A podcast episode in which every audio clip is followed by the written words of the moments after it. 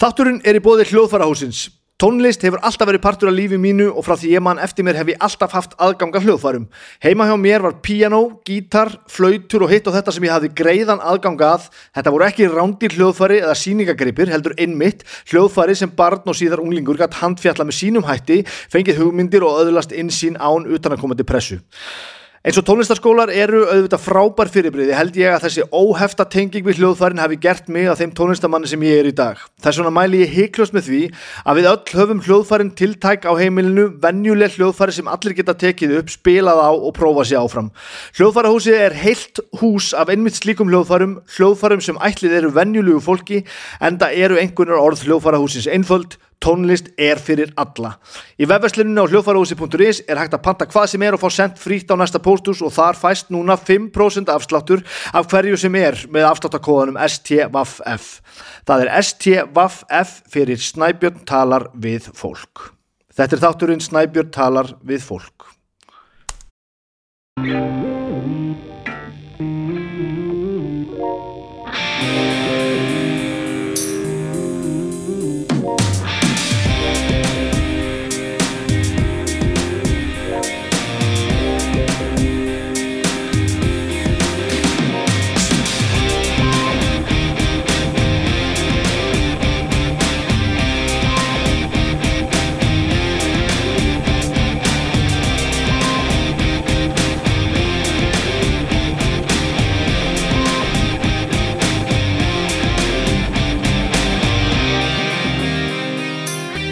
Já, gaman, gaman, gaman. Velkomin í þáttinn. Þetta er held ég þáttur nummer 6 af Snæbjörn talaði við fólk. Þetta er fljóta, fljóta gerast. Já, það er best að ég byrji bara á stóru málunum. Ég er bara, en þá jafna mig hérna, ég mynd nútíma að hann sem að losna kannski ekki í bráð, sko. Já, þetta er okkur, best að láta ekki ljóma eins, eins alvarlega og hérna, æ, meira alvarlegt en, en þarf.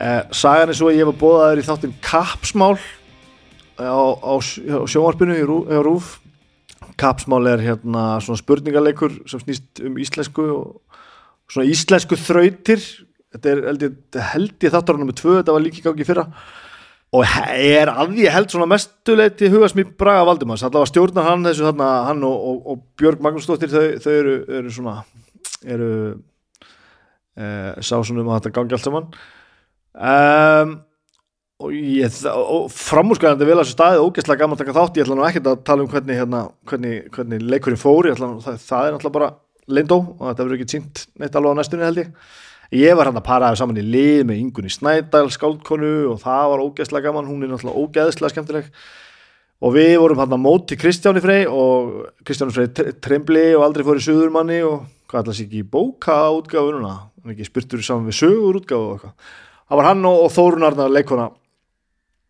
og bara, þú veist, ógeðslega skemmtilegu félagskapur og bara allt vel að auðvitað stæðu og skemmtilegu þáttur án þess að ég ætla að fara í einhverja sérstök, sérstakar svona einhver sérstök smáatrið þá þá gerði ég mig sekan um mistök í þessum þætti sem að sem að maður í mínu starfi sem e, texta og hugmyndasmiður og þá oft prókalesari og veit í hvað og hvað ætti nú ekki að gera sér sekan um fyrir svo utan það að, að mamma var náttúrulega örugglega eftir að afneita mér þegar hún, þegar hún sér þetta sko. þannig að þetta var, voru ákveð já, þetta voru mistök sem, að, sem ég hefði gjarnan vilja sleppa því að gera fyrir framann svona mikið að sjómasmyndavölum vitandi það að ég að senda þetta út eitthvað tíman á, á árinu þannig að þannig að einfalda sálinn í mér er svona búin að vera aðeins að böglast með það sérstaklega skemmtilegt Eh, ekkert minna sárt í ljósið þess að ég hef svona til þess að, eh, til þess að hérna, til þess að hitta mig upp fyrir þetta allt saman þá hafði ég hort þarna á eitt þátt úr þáttaröðinu sinni í fyrra það sem að Sævar Sivgjessson vinnu minn og, og, og, og, og með ljótu hálfviti og, og maður sem að situr með, við hliðina mér alla dag og við vinnum í rauninni sömu vinnun á, á, á ölsingastofinni hann hafði staðið sér svona helvíti vel kom svona helvíti vel fyrir og þó að við séum ekkert annað heldur en bestu, bestu vinnir sko, þá viðurkenni ég það að ég hefði alveg verið til í að hann hefði ekkert fengið þennan högstað á mér eða hinir hálfvítandir sem eiga sjálfsagt eftir að láta mig heyra það þegar þetta fyrir allt saman í loftið það er nú sem betur fyrir ekki alveg strax þannig að ég hef tíma til að gleyma þessu áður en ég þar svo að rifja þetta upp aftur eh, hvað meira eh, Það stendur til brúðkaup í sumar, ég og Agnes ætlum að gifta okkur í sumar. Það var svona kannski fyrsta, fyrsta sem, sem við fundum áþreifanlega fyrir því var að, hérna, var að Agnes var gæsuð núna um helgina síðustu sem er bara fór mjög pent og skemmtilega fram en það eru skemmtilega vini og, og, og, og begja vegna við okkur eru, eru, eru vinnir og, og fólk sem að trúir ekki alveg á þann fýblaganga að að klæða fullari fólk upp eins og fábjana og láta það labba niður laugavegin að, að að safna kossum eða einhverju svona, svona helvítisókið þannig að stegjanir og gæsanir, í- gæsanir í okkar okkar hópum eru nú bara einn skemmtileg partí og mögulega hættir að hugsa sér svona það sem að vinahópur kemur saman auðvitað stegnum eða gæsinni eða óvurum og, og, og svo á bara að hafa gaman og það held ég að við tekist alltaf frábæla ég er svo sem var alltaf ekki mikið ekki mikið í, í, í daskáni við daginn en það er svona eftir því sem leið á daginn þá var, var, var einhvern veginn alltaf ljós, meira ljóst að það er svona kannski opið fyrir það að við myndum nú hittast fleiri heldur en bara gæsin og vinkorunar hann er kvöldið þannig að ég fór svona eitthvað að leita fyrir mér hann er með stuttum fyrirvera hvort ég getur kannski redda pössun og það stóð eitthvað svona hálf illa á hjá öllum en þá rifjaði nú upp að einhvern tíman í svona hálfkæringi hafði nú sævar umrætur vinnu minn og, og samstarfsfélagi og með hálfviti, hann hafði nú nefnta svona og þau, hann og Herborg Kornas það var nú gaman að fá hann að önnu okkar, semst, hún er eldri við um tvö börn, fimm og, og tveggjára annaði fimm ára og það er nú gaman að fá hann er kannski bara heimsór einhvern tíman jafnveg næturgistingu, ég er svona varfærnislega stakk því að Sævari svona hringdi í hann, það var ég kannski eitthvað að því ekkert að því að hérna hvort að ég myndi kannski mögulega geta skilaði mér öðru barninu þangað og kannski er hann að koma á Björgvin eitthvað eitthvað, eitthvað annað í pössun já, já, hann held hann og minnstamáli heimi og svo spilaðist alltaf úr, úr þarna deginu þannig að það var alveg saman hvert, hvert ég reyndi að leita að það vildi enginn taka taka hitbarnið, vildi enginn taka björgun eða vildi, hafði bara ekki tök á því skulum nú ekki mála fólki í kringum okkur eins og þau vilji ekki hjálpa okkur en það var einhvern veginn bara, hvað, já, bara stóð ítla hjá öllum og ekkert mál og ég bara þetta bara fyrir sævar, þetta var nú sannlega skipti ekki öllum máli, ég myndi bara eiga þetta inn í að því að að því ég var augljóslega ekkert minna fastur heima með, með, með eitt barn heldur en tvö þannig að en þá var nú fljótlega stungið upp á því að þau tækju þá bara bæði börnin og ég bara svona reyndi að varaði við að þetta væri, þetta væri að það þyrfti að sérstæðlega við, við litla snillingin að Björgvin þá þyrfti nú stundum að ha- hafa sérstæðlega við að- að að ala það bara upp og já, þau ákvað hafa nú bara góð hugmynd og ég svona reyndi að útskýra fyrir þeim líka að það sérstæðlega svo, já, hann Björgvin vakna nú oft svona kannski bara milli, milli 6 og 7, já, mátti að skipta engumáli, bara koma með þetta allt saman og ég segi, já, ok, ok Eh, vitandi það að þetta er svona ja, besta fólk sem um nokkuð tíma getur fundið þá bara ákæði að taka við orðinu og sagði bara já og skilaði það með börnunum með helstu, helstu viðlegu græjum og öllu sem hann og endaði svo bara með því að ég náði að hitta uh, gæsa slektið allt saman þannig að þegar það var velið á kvöldið og það var alveg, alveg hrikalega gaman og bara, mér sínst það, við ætlum alveg að ná að gifta okkur þetta, þetta lítur, þetta er fyrsti, þessi fyrsti fasi geng bara leit vel út en það sem að ég kannski bara tek út úr þessu öllu sem var það ekki nóg með að Sævar hafi verið miklu betri en ég í þessu, þessu kapsmálsmáli heldur náttúrulega eh, skildist mér að, að öllu að börnin mín hefðu bara aldrei verið jafn, jafn falleg og almennileg og viðráðanleg heldur en akkurat þarna í pössinu á þeim sko og þegar hann sagði mér að þau hefðu bæði svona rumskað í róliheitum og klukkan hálf nýju og farið þá bara fram og svona verið eitthvað að dunda sér þá held ég að hann væri nú bara hennilega að ljúa sko, hann er ekki nóg með hans í betri en ég í spurningakeppnum í sjónvarpi heldur hann að líka betri í að ala börnin mín upp sem er ákveðinskellur ég viður kenni það en við tökum því nú bara eins og kemur það er nú bara þið besta mál En allavega, þetta var ansi, ansi gott.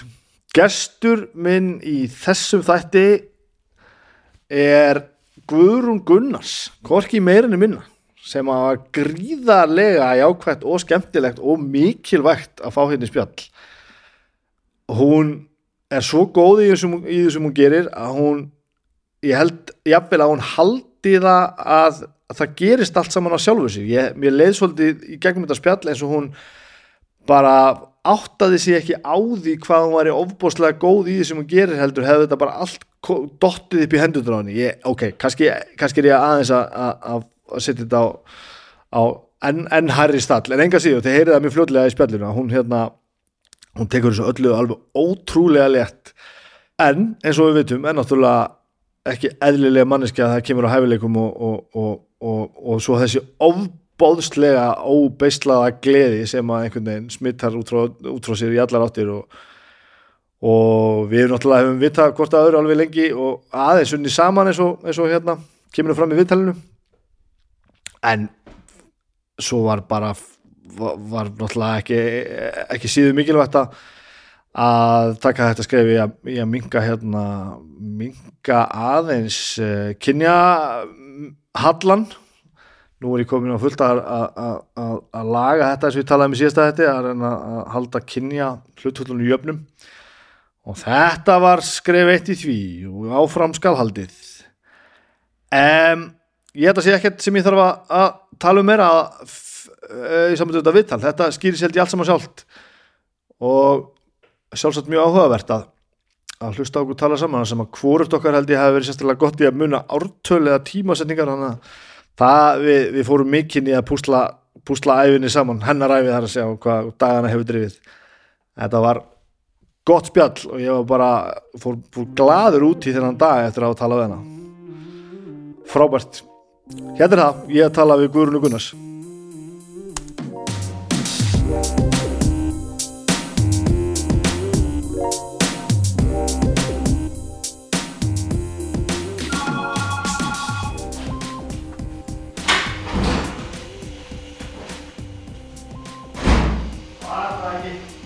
Góðan daginn. Er ég ekki á mínútinni? Jú, ótrúlega Stundvís? Já, ég er um stundvís. Geðveikur stað. Já, Gekkja. þetta er mikið magna sko. Þetta er bara málverk. En þetta er meina þið flytti ekki hérðan. Nei. Þetta er bara geðvikt sko. Þetta er rosalegt sko. Þetta er bara, á- þú veist, hér og hér, skilur við.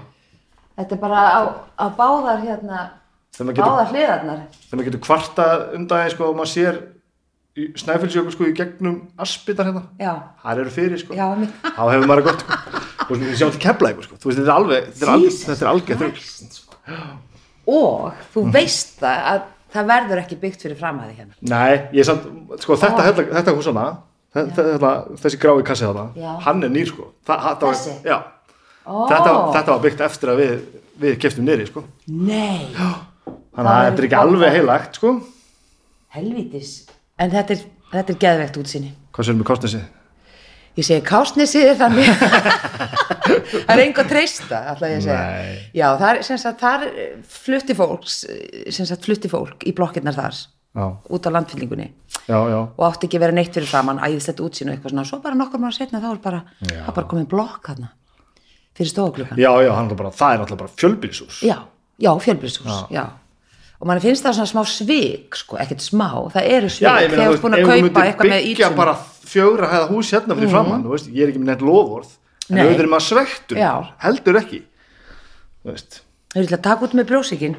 bara hafa þetta svo vilt, þetta er mjög, þú bara hefur þetta nákvæmlega, svo vilt hafa þetta. Okay. Er ekki það trublaðið á 7. júni, þetta er ekki það að gera. Já, ok, megu segja þessi söndi júni. Já, það er Já. ekki heilagt. Við- Nei, mér fannst- Þetta, þetta, er bara, þetta er bara þátturinn minn Já. og, og, og þú veist, ég veist að þessi fari ekki út í þessari viku, sko. Nei, þannig að þetta er bara upptaka. þannig að þetta fer út sko á fimmtudaginn uh, eftir viku og ég er bara með svona, þá tek ég bara smá intro að þættinu bara og segja að þú hafi verið í spjalli sko. Á, Ah, akkurat. Þetta er- annars er þetta bara, þú veist Já. þetta er ótrúlega til að sko Já, og mér finnst bara geggjað að vera hér á 17. júni. Einmitt keði í gegnum bæinn, sá nokkrar af peysufötum já, og fólk að hjóla, rosalega margir að hjóla, fólk að labba og er, spara er, ég, er bara, veikuna, ég veit ekki eins og hvort það er daskar á sko. er daskar, já, Já, það er það sko bara svona út um allan bæ, já. svona bara í svona litlum bútum. ég sá hann að auglýsingarnar hjá sögu og, og köttu Já. og ég skildi ekkert, mér fannst það brilljant Já, þetta var ógislega fyndið vegna þess að þú eiginlega, eða sko þær eiginlega mátti ekki segja, eða þau hjá borgin mátti eiginlega ekki segja hvar dagskráin væri, svo það myndi ekki safnast og margir saman. já, já, já en þannig að það var bara sagt já, þú mm, bara getur verið að labba einhver staðar og allt inni kemur lúrasveit fyrir hotni já, Já, var það ekki mikið það var svona, hérna, eiginlega brandarinn sem ég fannst það ná Ah. Þetta- einmitt já, það var mjög frábært, vel ég var bara, ég var búin að horfa á þetta bara alveg oddur, þú voru að fjalla aðeins betur hérna með lúðurinn það er þetta mjög gott Þannig að, þannig að en þú skemmt- veist kannski ekkit alveg hvað þetta er allt Nei, saman. en er fólk ráðið, þú veist, er er fólk að syngja og skemmta? Sko ég þekki ekki marga Nei. sem eru, en það er hérna eitthvað Lína Langsokkur og Ronja Ræningadóttir og, Já, ok, þannig er eitthvað. og eitthvað, það, já, það er eitthvað en sko þetta er fyrsti 17. júni bara sem ég man eftir sem ég er ekki að syngja til dæmis ég hef alltaf verið að syngja einhver Þess stað vegna spyr ég nú, sko. bara. já, þannig ég átti bara frí sem ég geggjað Það er geggjað, sko. Og þá bara eyði ég því næstu Já, vika. nákvæmlega. Bara það frí, já, bara alls mætir í ekki verið viðtal. heima Já. alls ekki verið heima Eh, Nú þarf ég að finna mér eitthvað að gera. já, Já, mér langar bara að Mér fara, finnst fara yfir allt, sko.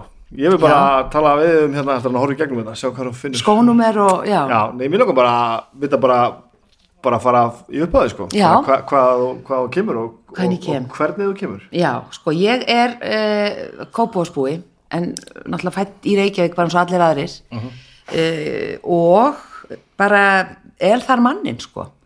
Fer þar í barnaskóla og gagfæraskóla og mentaskóla. Ég tók allt út í kópúinum og fyrir mér er kópúar bara sjálfstæð bær, sko, þó mörgum þykja hann bara vera eitthvað útkverfi Reykjavíkuborgar, það er hann það bara alls ekki. Og ég er sem sagt í kópúi í 200, ég séði mig þegar ég sé myndina hérna á Húsavík Já. hjá þér Já.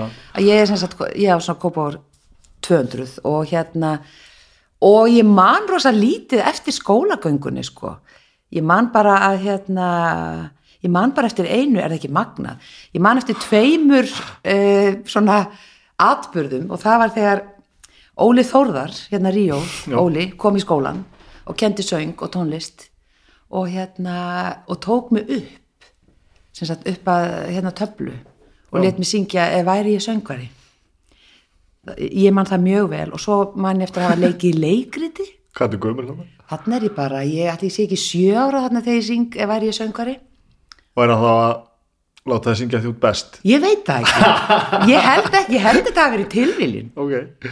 ég bara, ég alveg held ég það sko og það er eina sem ég man og svo man ég bara að ég var að leika í einhverju leikriti og svo man ég að það kom einhvers kennari í íslensku sem, var, sem hafði numið í Svíþjóð og kom hérna með eitthvað svona sem þótti sko fáránlega eh, sko asnalegt í dyruniskóla að hún let okkur setjast í ring hérna krakkana og tala saman og þetta hafi bara, þú veist, þetta bara þótti því lík nýlunda að það voru bara sko krakkar á, á glugganum bara að fylgjast með og hérna, og leta okkur hoppa og reyfa okkur og var svona að reyna að hrista saman hópin og svona fá okkur til að tjá okkur Já. þetta var bara þeim tíma sem bara börn höfði enga rödd Nei, nei, nei, nei. og bara áttu að vera stilt og ég var um þetta að tala um nokkra svona jafnaldari mín og það var þetta bara svona farðu út að leika, farðu inn í herbyggi og svona það var alltaf eh, En með þetta var, þetta var svona? já, var þetta ekki svona líka þegar Jú, þú varst í alveg algjörlega. sko. já, maður var svona, já við, og það var ekki neitt svona eh, það var ekki mikið gert þú veist, það var engin söngkeppni framhaldsskólana eða þú veist eh, hérna, Nú er þetta þannig skólastarfi um sérstaklega. já, já, já, nei, já einmitt. algjörlega. Sko. það var ekki neitt Nei. í gangi sko. þannig að það var bara eh, skólinn og einhvern veginn já, þannig að það Ég man voru ekki, ég man ekki, ég vorum, að- hvort ég var að tala með ykkur í viðtölum um daginn, eða bara við eitthvað. Það var einmitt þetta bara, hvernig er mikilvægur að hafa kent manni svona mikið í dönsku áður en læra að vera til, þú veist. Það er svo margt, þú veist ekki nú að bara gera skattaskýsluna þinn og tala við fólk. Bara Já. að þú veist bara hvað höfuborgin í, þú veist, þessar og þessari, hérna, þessu, þessu landi heitir, sko. já, já, Það er eitthvað skakt við þetta, já, sko. reynda fannst mér geggja gaman í dönsku, bara því að segja Já, ég er ekki að segja að, Nei, nei. að það sé Nei, bannað, sko. alls ekki. En Að, að hitt gleymist er Ég, svakar. algjörlega og þarna kemur einhver kennari með eitthvað svona nýtt og ferskt sko frá Svíþjóð og bara hún þótti bara undarleg það var, það var bara svoleiðis Já, ok. en við sem sagt, sko, viltu vita eitthvað svona um heimilishægin Já, ég vil við, vita allt, e, þú veist, Já. ég vil vita það sem þú vilt segja mér sko, það er ekki, ég Já. er, það er enga reglur sko. sko við bara erum þarna í kópóinum alltaf á sama stað og hérna ég átti bara mjög svona svona örugt og gott fjölskyldulíf Mörg Og- systkini, eða? já, við erum fjögur, þrjá systur og eitt bróðir og hérna og f- fórum öll sömu skólagöngu sko Já, Það var dyrunni skóli og svo var það víkólaskóli sem var gaggó og svo var það mentaskóli. og var það einhvern veginn bara alveg sjálfsagt, kom Já, aldrei- kom ég- aldrei eitt annað til greina bara. Nei, þetta, þetta var bara, svona. Þetta var bara mjög venjuleg fjölskylda og, veist, og það voru bara allir í svona þessum sama gýr sko. Voru flesta mæður voru heima. Mm. Þetta, var, veist, þetta var þannig. Maður henda sér skólatöskunni og, og, hérna, og settist í borðið og þá var bara mjólkuglas og, og hérna og brauðsneið sko Já. og kökusneið, jólakaka. Það var rosa þjónusta. Og var bara, og, Þannig að- og, og, og þú gegst að þessu vísu bara. Já, Já. bara, þú veist, já, þetta var alveg ótrúlega svona í föstum skorðum ok, alveg, já, alveg rosalega en hérna, ég held að ég hef bara verið frekar rólegt bann Mm. og hérna, eða mamma segir það allavega og ég svona gætt bara dunda mér mjög mikið en svo bara þegar ég fyrir skóla þá væri ég svona kannski smá svona æslabelgum, ég hafst gaman að, að vera í hérna, það voru svona einhver leikrit og veist, ég var með eftirhermur, ég var að herma eftir Ólafi Jóhanni sinni, fórsættis ráðara hérna tíu ára bara ógislega fyndið á einhverjum skólaskemtunum og svona þannig að það gerðist eitthvað þegar ég fór í skólan ef ég hef verið svona rólegt bat sko þannig að Já, það- já. það springi kannski aðeins út og strax fann það svona að vilja stíða upp á svið og Já, sem er mjög skrítið að því ég er í eðli mínu mjög feimin. já, Ég er það sko, þetta tvent virðist nú ekki endilega sko, að ganga ekki saman. neða, ne, þú veist Nei. og oft bara eh, frekar en ekki þá er fólki sem að l- getur farið upp á svið er oft feimið í sko. alvöru Já, og ég er alveg feimin í eðli mínu, það er al, algjörlega þannig. En sem sagt, þú veist ekki þegar ég fer upp á svið. já, Horfandi á þína gluggakistu hérna, þá sat ég mjög oft í gluggakistunni inn í herbygginu mínu með svona dúkur og dró frá og fyrir og var að búa til svona leikrit. já, og raðaði böngsum og dúkum fyrir fram að gluggan inn í herbyggi og það var alveg klappað og ég dró frá og fór með einhverja, ég veit ekki hvað ég hef verið að gera sko en þá hérna kom bróðum minn stundum, eða ekkert stundum, þetta er auðvitað eitt bara atvik sem, sem ég man, en mér finnst alveg veist, eins og hann hafi bara stundað það sem hann hefur auðvitað ekki gert, en það man ég að þeir voru á gæjum, þá var hann að sína þeim hérna skrýtnum systurina, já, já, já. sem var eitthvað þarna að og hvernig, og, syngja- man, man, hvernig þér fannst það þá? hræðilegt hræðilegt en það var hann að sína að sjá þið það og þú veist, þá er ég bara eitthvað að syngja og eitthvað sitjandi upp í gluggakistu með eitthvað dúkku fyrir fram að mér sko. þannig að ég hef greinilega já, byrjað snemma að performera og hugsa um heldur það sé eitthvað fyrirmyndur að þessu eða er þetta bara, nei, ég, ég hef enga fyrirmynd sko, ekki nefnir bara sjónvarpið eitthvað já, svoleiðis já, já það er enginn í fjölskyldinni á svona þessum buksum sko Okay. Mamma kemur frá Vestmannum og pappi kemur að vestan frá Ísafyrði og Súðavík og já, ég veit ekki til þess að það sé sko, eða hafi verið þá Mm. svona einhver í tónlisti eða leiklisti eða einhverju svona Ok. en ég veit ekki hvaðan það kemur pappi reynda var mjög músikal, sko, hann spilaði á harmoniku og mamma líka músikal sko, hún hlustaði á Ellu Fitzgerald og hérna og Fats Domino og, og, og svona þetta eru, það voru til nokkra plötu sko það var Rio Trio, Fats Domino Ella Fitzgerald, Louis Armstrong og já hann verða hafði ekki að það hafi verið allavega Svona- Já, svona sem veldur- ba- basic stuff sem já, svona- Rio Trio, Já. alveg basic það var heima með líka já, já, og ég man eftir að hafa lita þarna hvítu plötuna, manstu það fylgdi, fylgdi lit, já, Mhm. já, já, fylgdi litir með ég lita það var búið að lita mína eða já, það sem var svo svo þú- áttu eldri nei, það var bara- allir bara pabbi og ekki bara átti þetta Já, það getur verið. Já, já, þannig að þetta var svona, minn grunnur svolítið er, svona er í, í rauninni vísna tónlist og svona smá, smá jazz. já, Það er það sem ég byrja síðan að gera Já. þegar ég fer út í tónlist. já þessi músík rýmar alveg við það sem þú gerir svo setna Já, sem er svona bara kannski svona pínu, já, vísna, ég segi ekki kannski jazz, vísna jazz, en það er einhvers konar útgáfa af vísum. Já. Af Því ég er ekki alveg í svona yfir tóp hérna, nei, nei, þessum svona típisku. nei, nei. heldur í svona kannski nýnorrænum vísum og já, svo í stökkun og fram og aftur þá er það eitthvað sem ég var hérna fyrir áhrifum af hérna þegar ég fór á sig vísnakvöld sem voru á Hotel Borg og Já. hérna ég byrjaði að sækja þau þegar ég var í mentaskóla vísnakvöldin, Bubi Mortens kom þarna fyrst fram hérna Bergþóra Átnadóttir var hérna hálft í kvoru, Já. þau byrjuðu þarna líka Aha. þetta var í þjóðlíkuskjallaranum og síðan á Hotel Borg Já. og rosaleg gróska á þessum tíma hver stóð fyr- hver stóð fyrir þessu? Af- hvað var þetta? vísnavinir bara Þetta voru bara vísnavinir, já, já. ég man ekki hverði það voru þá sko, en svo tóku þér við þessu hérna, Gísli Helga og Ingi Gunnar já, já, hálft í kóru Aðarstinn Ásberg, já. þeir voru svona hjartað í þessu svolítið, Já, já. Guðmundur Átnason var mikið þarna líka ég á rosalega minningum með hálft í kóru sko. Já. þá bjóð ég á laugum Reykjadal og bara þau komu að spilu í Þróttó sem var gamla íþróttahúsið sem, sem var þá svona samkomusalur orðin ég er bara verið sko fimm ára eða eitthvað já, vá, og það er bara, það var að selja þess að bláu plötuna sem standa hana, standa hana framan á Já. og ég man bara eftir því að fara- fara með hana heim og voru það nema tvær ég held að það hafi bara verið tvær já, og þá, hvort að hinn var þá til sko, þá fyrri platan vantanlega mm. heitur hún ekki áfram seinni Jú, platan? áfram Gekk hérna þetta er frábært og ég hlustaði á þetta gjörsamlega í drep, Já. alveg í drep sko. og þetta er frábært Já, þetta, þetta var nefnilega alveg frábært stöf sko. ég var eiginlega að fara að segja þér að það hefur bara verið hlusta á klassík heima á mér að þú ert búin að hitta eiginlega akkurat sko Ríó tríóið þetta Bergþór Árnardóttir Já. og veist, að þetta var heima sko Já, og þetta býr til Carpenters. einhvern grunn og Carpenters, já, reynda voru við ekki með Carpenters en ég elska Carpenters Já.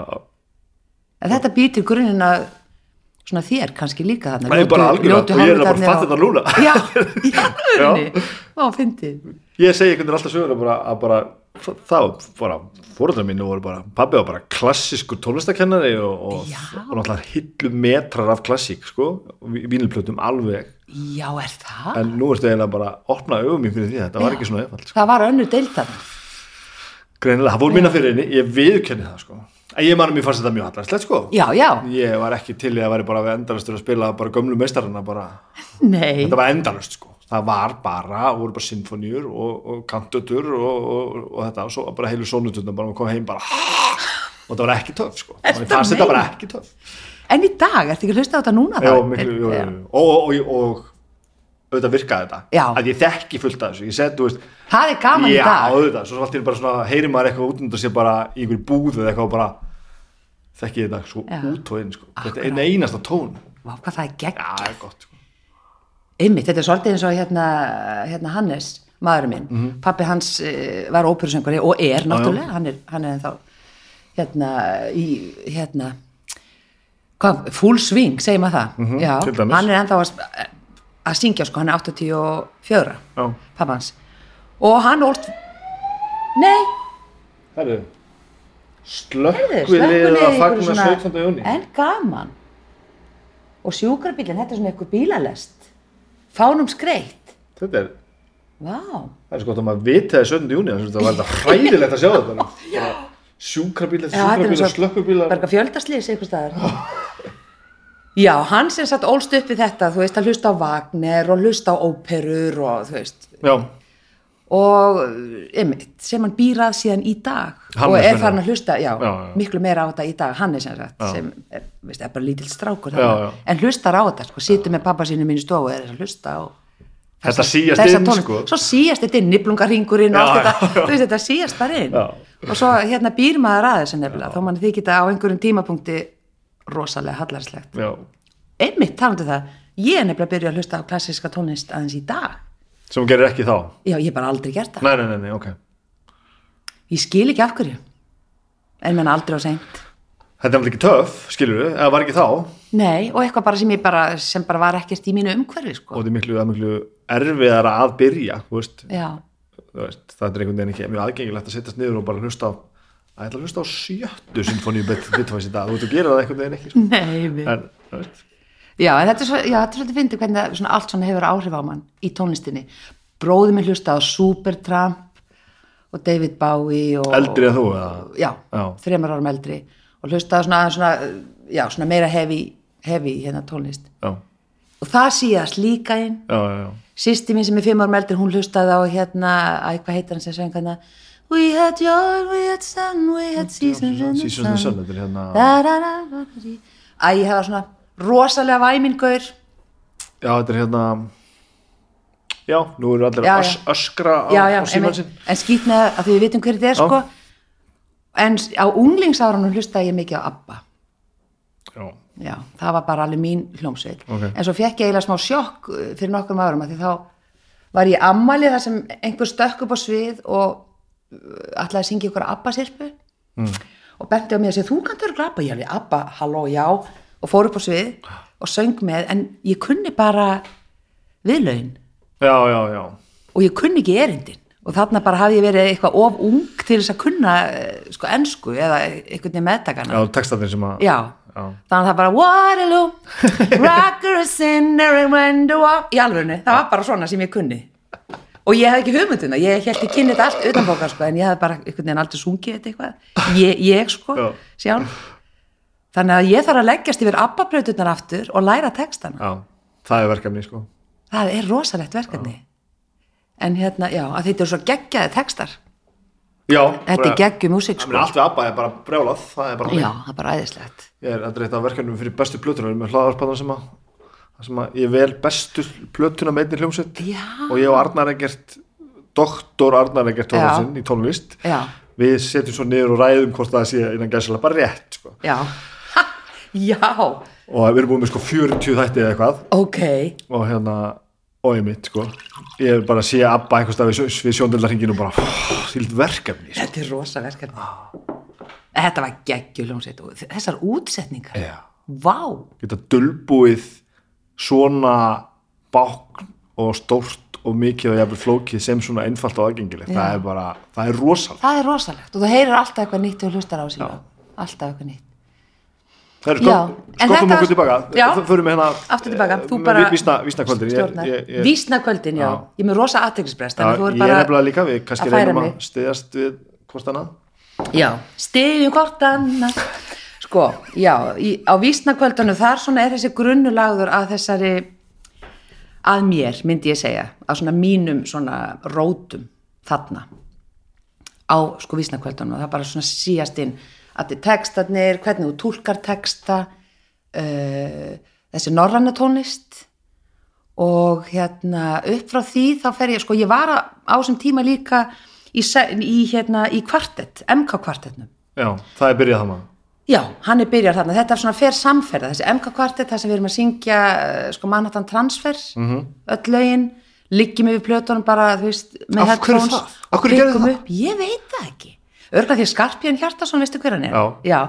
hann hérna var rosalega músikalskur og náði að greina þessa rattir, þetta var oft mjög flókin rattsetning já, og hann er að greina þetta og hann kennir okkur þetta og við liggjum yfir þessu og hérna hann útsetur líka ímislegt hérna fyrir okkur, ég hugsa að þessi áhuga hafi bara komið frá honum bara hann fundist þetta áhugavert þetta já, mann það transfer og þetta þau voru flæk- vinsæl flæk- flækjustig Já. og þetta svona þessi, þetta er allt svo sniðugt og glúrið sko. Já, og við erum þarna Skarpiðin og Þór eh, hérna Þór hérna Áskjesson, hérna Bassi, Hramdur Haldós, eh, hérna útvarskona og ég, við byrjum sem sagt sem þessi kvartett í mentaskólanum, síðan kemur Þurir Jónsdóttir tónskáld, Aha. hún kemur í þetta þegar Hramdur flyttur út og við erum alveg mörg á starfandi og við erum að skemmt út um alla trissu sko, mjög merkilegt, Að þið eru- bara mennskellingar. að þetta fylg þið eru ekki, ekkert að skipta ykkur af þið eru ekkert upp á sviði á vísnakvöldunum Nei, með þetta. jú, fyrir við hérna tróðum vist upp þar, Já, ok. já, nokkrum sinnum og heldum tónleika líka á, á Hotel Borg og svona, þannig að ég er í þessu að skemmta hér og þar með þeim og sem, eh, að upplifa þessi vísnakvöld og alveg hálft í kóri, einmitt ég held mikið upp á, upp á þau og, og hérna Bergþóra Árna, ég var stundum að syngja bakrættir með já, henni vá. og hérna, já síðan flytjum við út til Noregs ég og Anna Pálina og aðastinn Ásberg ég, hérna, ég kynnist hérna Normanni hér sem hérna kom hinga til að halda námskeið á vegum vísnavina svona leiklistar og tónlistarnámskeið og við sem sagt, eh, hann verður sem sagt kærasti minn og við, við flytjum út til Noregs og þau fara með og þar stopnum við svona hljómsveit, við fjögur sem heitir Vísa Ví og ferðumst um Norðlöndin, fyrir til Finnlands og á þeirri vísnahátti sem að það er, sko, vísnahátti var bara the thing þarna, sko Já. og út um öll Norðurlöndin og mikil gróska og þar sem sagt hitt ég Cornelis Vreesvík þar hittur hann já Já, já. já, já. í Finnlandi og hann var orðin örgla svolítið lasinn já. þú er Og- hitt, þú er að hitta hann. já já og ég var að reyna að tala við hann ég var alveg starstruck sko og hann var þarna, við vorum, þetta var í svona opbáslega fallegum svona finnskum strandbæ og sviðið er bara svona inn í svona hvítu tjaldi eða undir hvítu tjaldi opbáslega fallegt og hann er þarna aðalstjarnan og við erum bara svona eitthvað númer frá Íslandi og fullt af fólki sem er að tróða þarna upp og hann er bara að drekka viski bara allan tíman meðan hann er að býða eftir að komast á svið já, já. og bara þambar bara örgla svona hálfa viski á þennan fyrir svið og ég hugsaði bara með guð með góður, þetta verður eitthvað en hann var æðislegur sko já, hann var geggjaður já. og síðan hef ég alltaf gert þetta þegar ég fyrir svið já, alltaf lámar Ah, hálfa sko. lágmark hálfa þú veist, og það var bara æðislegt og svo fórum við eitthvað bóð hjá bæjarstjóranum um kvöldið og þá var hann þar líka og við vorum alltaf einhvern veginn að reyna að tala við hann og ná sambandi við hann hann vildi ekki tala við neitt bara hann var mjög upptökin að því að drekka og svona hjælt sér til hlés Já. svona smá vonbriði, já, en ég held bara hann hafi sko verið orðin svo útslitinn og veikur og Já, já. þreytur elsku kallinn, svona eftir að þegar maður les æfisöguna og svona þá var þetta bara tímapunkturinn, þar sem hann var bara ekki mjög sósíal sko. Nei, nei, nei, en Svo- samt svo að hafa dó hann- fyrir Já, svo dó hann held ég 86 þetta, Getur hver er það- þetta sem þið eru að 84 Já, Fimm? já, þetta er, þannig að það er þetta ekki er bara rétt áður en hann deyr sko hann sko deyr bara þegar hann er 50 Já, og hann er samt verið að anskota stíði að þrátt fyrir svona 30 stíði að vera að skemmt, skemmta og spila og... já, hann átti bara ekki pening sko Nei, það er svoleiðis já. skatturinn var á eftir honum og hann Já. vist, fer til Danmerkur og er að flýja skattin og svo fer hann til Hollands og á einhverjum tímapunkti held ég að þeir hafi gefið þetta eftir minni mig Já, og hann átti margar konur og þú veist, hann drakk illa, hann var afslást og þú veist, hann var bara, hann var bara erfiður sko, erfiður kall en snillingur já Þetta komið á þessu sem að maður hugsaði oft um sko. Hefði þetta verið svona gott ef hann hefði ekki verið svona það er nú það sko það er nú Það það, er svo en skelfilegt að hugsa þessa hluti oft Já. þegar að, þú veist, hvort að hvort að ven, venjulegt og heilbritt og hamingisamt fólk geti, hvort þetta hefði, þessi snild hefði getað komið Já. þaðan sko. stundum hefur hugsað, ó ég á enga svona einhverja ömurlega sögu Já, þú veist, þú veist, já auðvitað fyrir maður bara einhverja aðra leið og gerir þetta bara öðruvísu og verið góður í þessu en ég meina- já, já, nákvæmlega sko en það er eitthvað þarna með einmitt, hefði hann orðið meiri snillingur ef hann hefði ekki til dæmis það er verið svona, nefnilega, já. það er náttúrulega ekki það er þetta kannski svolítið gleymis en það var slegið náttúrulega um þetta lið sem var í þessu sökið þetta, veist, þetta er bara svona í ljósu sko rauðum bjarma einhvern veginn mm. þú veist, því var svona pakkað inn þetta var líka gert hérna á Íslandi Já. þú veist bara fólk sem listamenn sem drukku mikið og, og, og hérna já, ég segi ekki kannski voru fyllibittur og svona en, en hérna fólk einhvern veginn fyrirgaf þetta og, og svona, le- já, leifði þessu hvað á maður að segja svona tók þetta ekki kannski svona alvarlega þetta var látið viðgangast og bara, og bara innan gæðslega of mikið sukk svona, sem, já, svona eitthvað kannski sem myndi ekki hérna, sem engin myndi samþykja í dag já, Mm. alveg svo, svo mikið já, þannig var þetta bara sko.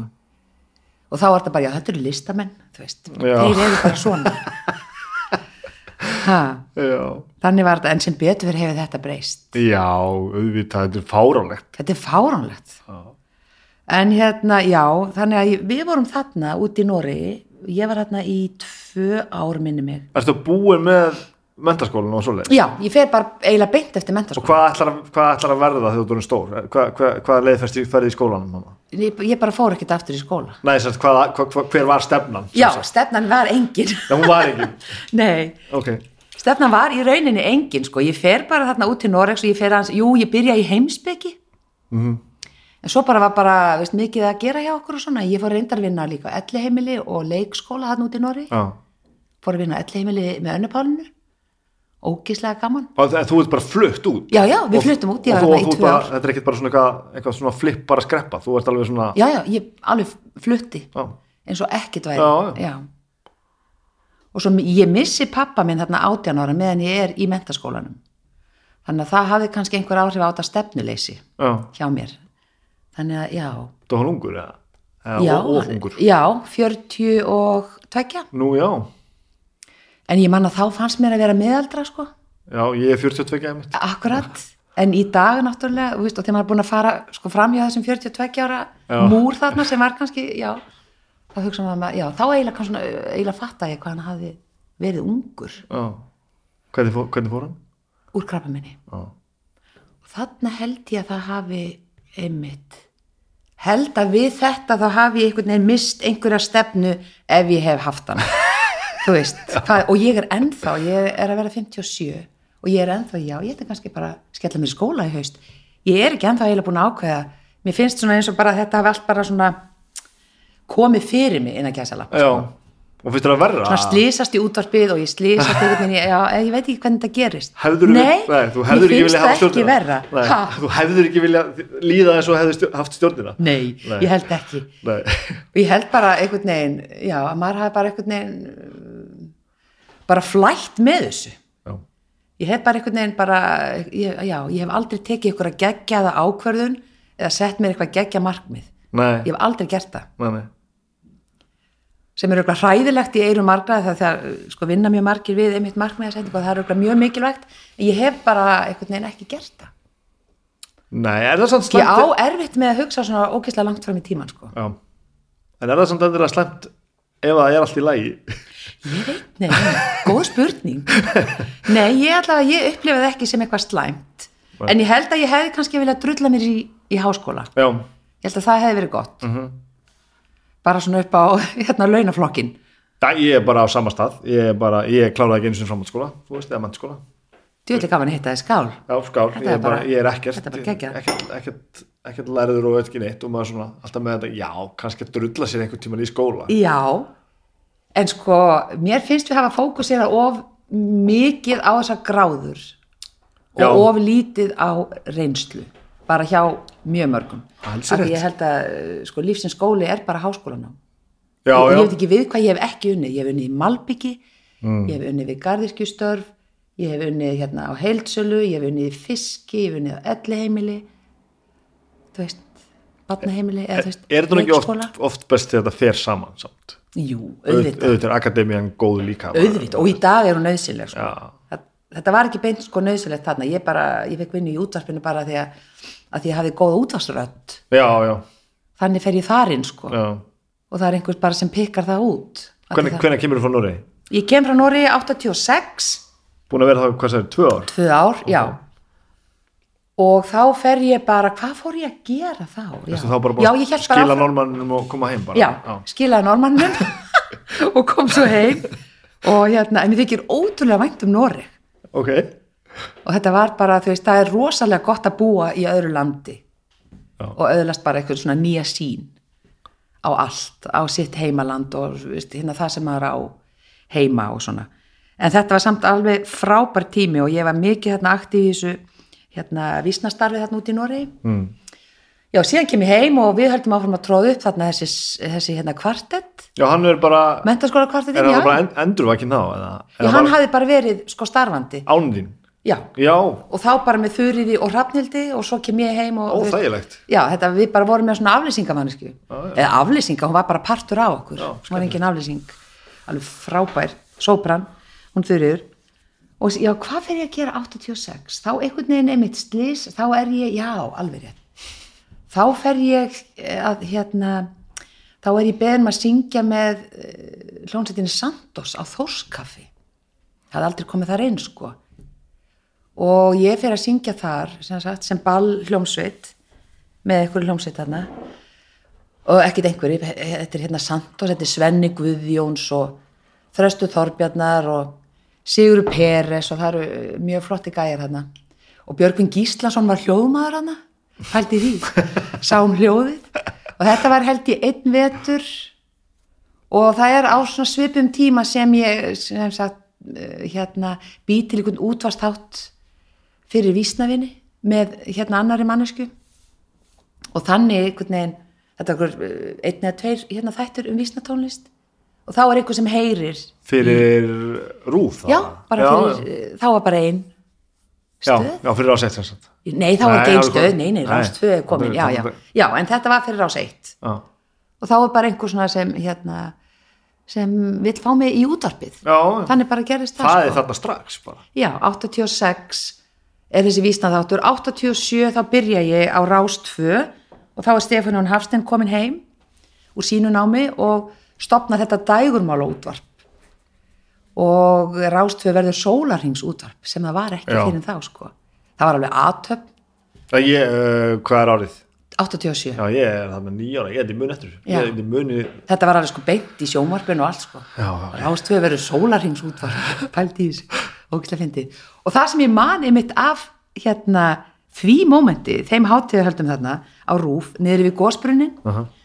þar sé ég Andreu Gilva í fyrsta sinn þá kemur hún þarna og syngur með hérna grafík já, og ég á svona tónlistaleg moment sem ég bara svona sem bara hugur minn skinjar vá, þetta er eitthvað nýtt, þetta er eitthvað geggjað sem það síðan var sko Þetta? Mhm. Náttúrulega Andrea Gilva bara geggjuð sönguna mm -hmm. því líku ferill já og hérna, og þá byrja ég á rást 2 í þessu útvarpi og þú bara, það er bara beintenginga því út með þetta litla ma- magasín fyrir þessi, þa- þess að þetta verið vísnavinni og, já, og bara veit úr því bara já en þetta voru bara ykkur tveir þættir og svo bara sem sagt, er ég ráðin þarna inn í þennan stóra hóp sem sá um dagumalútvarpið á rástfjörn já, já, þú veist, þú ert í því þarna já, sem Stefán Jón býr til, þarna eru Einar Kárásson Já. Kolbrún Halldórsdóttir, Akkurat. Leifur Haugsson þú veist bara því ykkar kanónur þarna Ævar Kjartansson og ég var svona yngst Já. þarna og uh, það voru töluverðar aðtöðasemdir gerða þarna í fyrstu við að ég væri alltaf að flissa og hlæja og þú veist, það mátti ekki hlæja og eitthvað svona og ef að sko, viðst, Stefanjón var blótandi þarna oft í útsendingu í þjóðasálinu allt þetta, en ef að ég sagði bara rass eða eitthvað svona, þú veist, þá var allt vittlust, Á, þá skriður nokkra konur Ah, þú áttir skammar að bref til vera útastjóra settleg og haga, Já. það var þetta bara það stilt og brúð, fjandinn já, einmitt Ah. og já, eitthvað svona hlæjandi alltaf og eitthvað en þetta voru, þetta voru, þetta voru geggjuð ár sko og þeir bara skóluðu mér svolítið til þarna Stefanjón Hafstein og Ævar Kjartansson Já. þeir gerðu það, ég lærði mjög mikið af þeim, þeir voru svona mínu mentorar þarna ertu þá, ertu að syngja minna þá þarna, bara, nei, ertu ennþá að syngja með hvað sér, Santos uh, nei Bara þarna, einn- það var bara einn vetur ég hef, al- ég hef aldrei verið mikið fyrir svona að syngja á balli, það er ekki ég var að fara að tala um það, einmitt. það er rosalega ekki ég nei, og ég er ekki góð í því ok, og nei, ég var síðan annað ár með ljónsettinni sagaklassa Hotel Sögu já, ég held ég að færi beint yfir á Hotel Sögu þarna, þetta var bara náttúrulega helgarvinna já mér fannst þetta svo hræðilegt að ég hef bara ekki gert meira af því punktur Og þarna erum við ennþá að tala um hljómsveitir sem spila alltaf á sama Já, stað, allar helgar föstudaga já, og laugardaga. sem er eiginlega bara ekki til lengur Nei. og svolítið langt síðan að það kannski bara já, er það ekki? Jú, og þarna, voru bara, þarna bara fór fólk út að borða Já, og svo bara ball á eftir. bara húsbandi skellti þér já, já. Já. En svo var ég þarna 88 til dæmis, þá er ég hérna að syngja bakrættir í Ríó Tríósjói Já. á Broadway þegar það er í mjóttinni. Já. Já. Og uh, þar kemur Óli Þórðar svona aftur inn og sko Óli Þórðar hefur komið inn svona no- á bara nokkrum stöðum í mínu lífi sem svona velgjörðarmadur. Okay. mjög magnað og maður fattar ekki meðan á því stendur en maður uppgötar það svona síðar að þetta var svona mikill velgjörðar maður í mínu lífi sko. hann tekur mig upp þarna ef væri ég söngveri í sex ára bekk svo kemur hann inn í gagfræðaskólan og gerir eitthvað sem enginn hafi gert hann býr til hljómsveit og allt innur við bara komin í, í sjónvarpið í stundin okkar í einhverja upptöku og, og hérna hann setti söngleik á svið Það er ótrúlega kraftverk Bara með unglingum, eða? Já, með unglingum og þetta, er bara, þetta þekktist ekki Nei. hann er algjör brautriðandi þarna allavega í kópóinum ég veit ekki hvernig þetta var annar staðar og við erum þarna, það er eitthvað gullna hliðið ykkur geggjaða söngleikur við erum í Íþróttahúsinu í Kástnesi Vá. og hann býr til þess að hljómsitt þarna sem kemur fram í sjónvarpi og síðan er hann já, síðan ræður hann með þarna í bakrættir í Ríó Tríó svo er ég að vinna með honum á Rúf og hann er með nætuvaktina á Rástvö og þar ræður hann hennan kvartett sem ég var að syngja inn hann er alltaf verið einhver stað svona að greiða að greiða götu mína í gegnum lífið Já. mjög merkilegt skemmtilegt. Já, og hérna, já þetta er bara æðislegu tími, þarna 87 það bara gerist svo mikið, það er þetta hérna, dægurmála útvarp og, og ég er að syngja uh, ógíslega mikið hér og þar, alveg bakrættir inn á alls konar plötur, eitt og eitt lag, eitthvað inn á jólaplötu fyrir eh, Björgvin Halldórsson og, En þú ert, og Magga Kjartan. ert ekkert mikið í hljómsveitum þetta er ekkert, Ég er ekki, nei, ég hef aldrei, jú, hvað er að mér? Ég hef einu sinni verið í ljómsveit. Gleimi ég því, það var einhvers staðar þarna rétt eftir ég kom heim frá Noregi. Það fer ég í svefngalsa.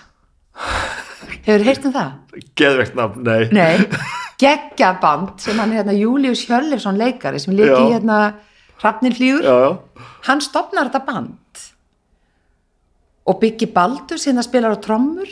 ok, Ég er söngkona og Júli þarna og Július er sem sagt pappi hans í Kaljó, söngvarans já, já einmitt, þetta er engin aumingar maður nei nei og hann gerir plötu sem er blá á litin og við erum eh, hérna utan á, það er svona mynd af traktor og við erum ofan á traktornum Ég- gerir bandið þessa plötu, eða í hans nafni eða já, í, í hans nafni Ok. en hann bara semst skýrir okkur öll bara sveppgalsan, þetta var bara ný hljómsitt bara fyrir okkur öllum ok en hérna, svo nendan held ég bara ekki að sko fylgin eftir eða eitthvað, þannig að bara bandi dó út, Já, já. en þessi plata er til Ok, Jú, það var gert eitt, eitt myndband við eitt lag sem ég söng. Það var eitt lag sem náði svona spilun sem hétt Obbosi. Opposí og Seppgalsa Opposí með svefngolsum, þetta var geggja Svefngölsum. ég er búin að gleyma þessu já. þannig að já, þetta er ég, það er eina hljómsveitin sem ég hef Og veistu verið í hvað akkur þetta er? er? Er þetta bara óþólið þitt fyrir þessu bal, balvesinni? Eða, þú já, veist? ég hugsa að það sé örgla hérna, byrjunin á því þú veist, að það sé já, Já. að því að svo bara fer ég líka bara ég, ég bara fer í svo mikla sessionvinnu, stúdíóvinnu Já. það var mín bara aðal vinna ég var mjög lítið live í rauninni þannig nema bara með öðrum og bakrættir öllum þessum sjóum sem voru sett upp Já. á brotvei út um allt það var alltaf einhver sjó Þú og við mein- alltaf í bakgrættum og... Meina svona fyrir að vera í svona, hvað maður segja, svona controlled environment. Mhm. -hmm. svona, já, það, sem að, það sem að fólk veit hvernig það á að klappa eða það sem að bara loka inn í stúdíu. nákvæmlega Er þetta bara bara það og ég fyllibitunda sem dýrkaði að- stúdíóið já, er þetta bara það fyllibittinda bara sem að bög, böggaði það? ég veit það ekki, nefnst ég kannski var það bara það, að ég var bara með þrúlítil börn eða eitthvað, Já, já, en samt sko, nei nei, en þetta var líka áður en ég egnaðist sko börnin, já.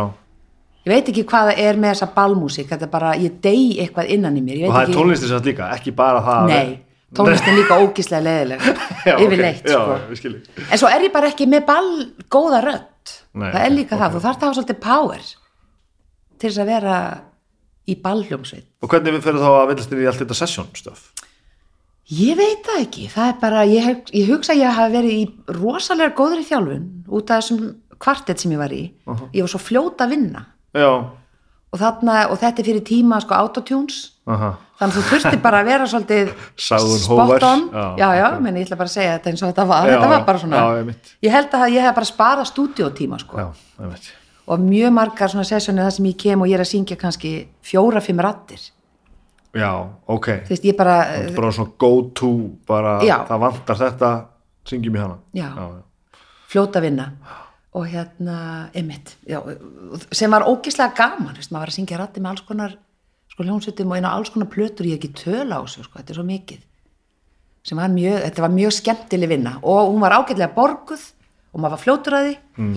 og hérna ég söng eins og niður hérna, með Eyva og Berglindi Björk inn á Lion King, hérna teiknumyndina Orginal teknumyndina. já, ef þú heyrir hana á íslensku Ég heyr hana mjög, mjög oft á íslensku þessa dagana. er það? Já, já, börnum mínu er 25 ára og En þau hlusta á fyndið. þetta alveg, ég var með Felix hennar daginn, sko. Já. ég var að segja hún bara hvað ég heyrði röddin í honum oft, Já. bara, því bara lík rödd Monsters, bara hann, ég bara, hann, Já. hvað, Maggi Víglund, ég bara, hann glímur í höstum á mér, sko. já, Já, varst þú Felix að- náttúrulega var geggjaður í þessum sko, hann var Aladdin og hann var Simbi bara, bara, og bara allstaðar.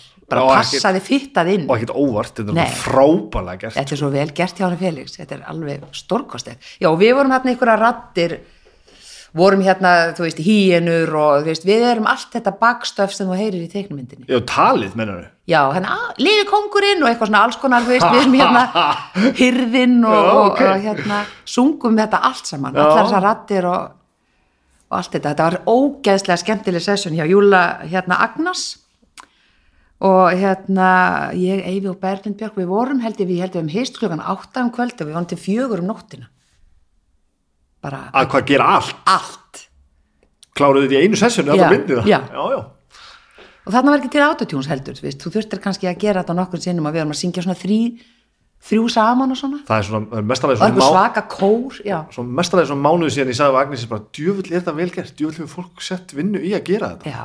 nákvæmlega Lion King, við vorum að horfa á þetta og bara, Já. að því ég horf alltaf á þetta á ennsku mm. að því ég var að núlingur þetta var og ég, veist, Já. og, og, og ég, sko samt úr sískinu minn yngri, en ég man ég sótti svo í að horfa á þetta á þetta á ennsku af því mér fannst íslenskan bara allarslega og ekki orginal sko. já, og nú er ég upplifað sem myndir á íslensku og mist margar betri á íslensku já, þú veist, í það minnsta ekki síðri, sko Nei. við segja og, hérna, og, og núna ég er náttúrulega bara eitthvað að hljóðnördast og er í hljómsveitum og bara, þú veist, þekki náttúrulega fullt af fólki mitt sem er að lesa á eitthvað svona já, og nú er ég fann að hlusta á þetta bara með þessu huga- hugafæri bara, djöfull er þetta gott maður já. og það er svo magnað að það skulle hafa náðst að gera þetta svona gott já það er líka Júla að þakka en þetta s- hann stjórnaði þessu mjög vel augljóslega, Já. en þú veist eins og það er að brjóta allan minn veruleika með þetta að segja að þetta hafi gest í einu sessjóni, sko, ég Já. veist það bara súrið frá 84 nóttina já, sem er enda svolítið ríflegt sessjón en ekki síður það var ógeðslega gaman já og svo hérna hef ég líka ég söngin á einhverja hérna, einhverjar bangsimónmyndir já. og hérna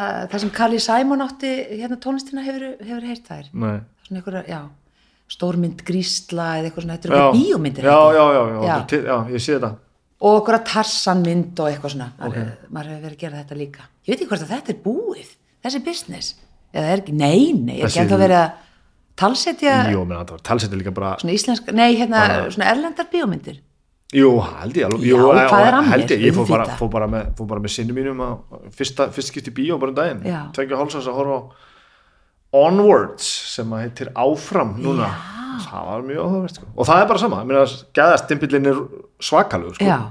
Magnað bara að skulle vera að gera þetta svona óbúslega vel já, þetta skiptir svo miklu máli Og er þetta bara sama á allt annað, þú veist ekkert hvernig þú lendir þetta Nei, ég veit ekkert hvernig ég lendi þarna en sennilega höfum við eitthvað raðast á þetta ég, Eyvi og Berglind Björka þegar við vorum svo stúdíovön Já, á þessum tíma og vön að ratta og svona það skipti máli á þessum tíma að vera fljótur að vinna Já, já, já. í stúdíónu sko.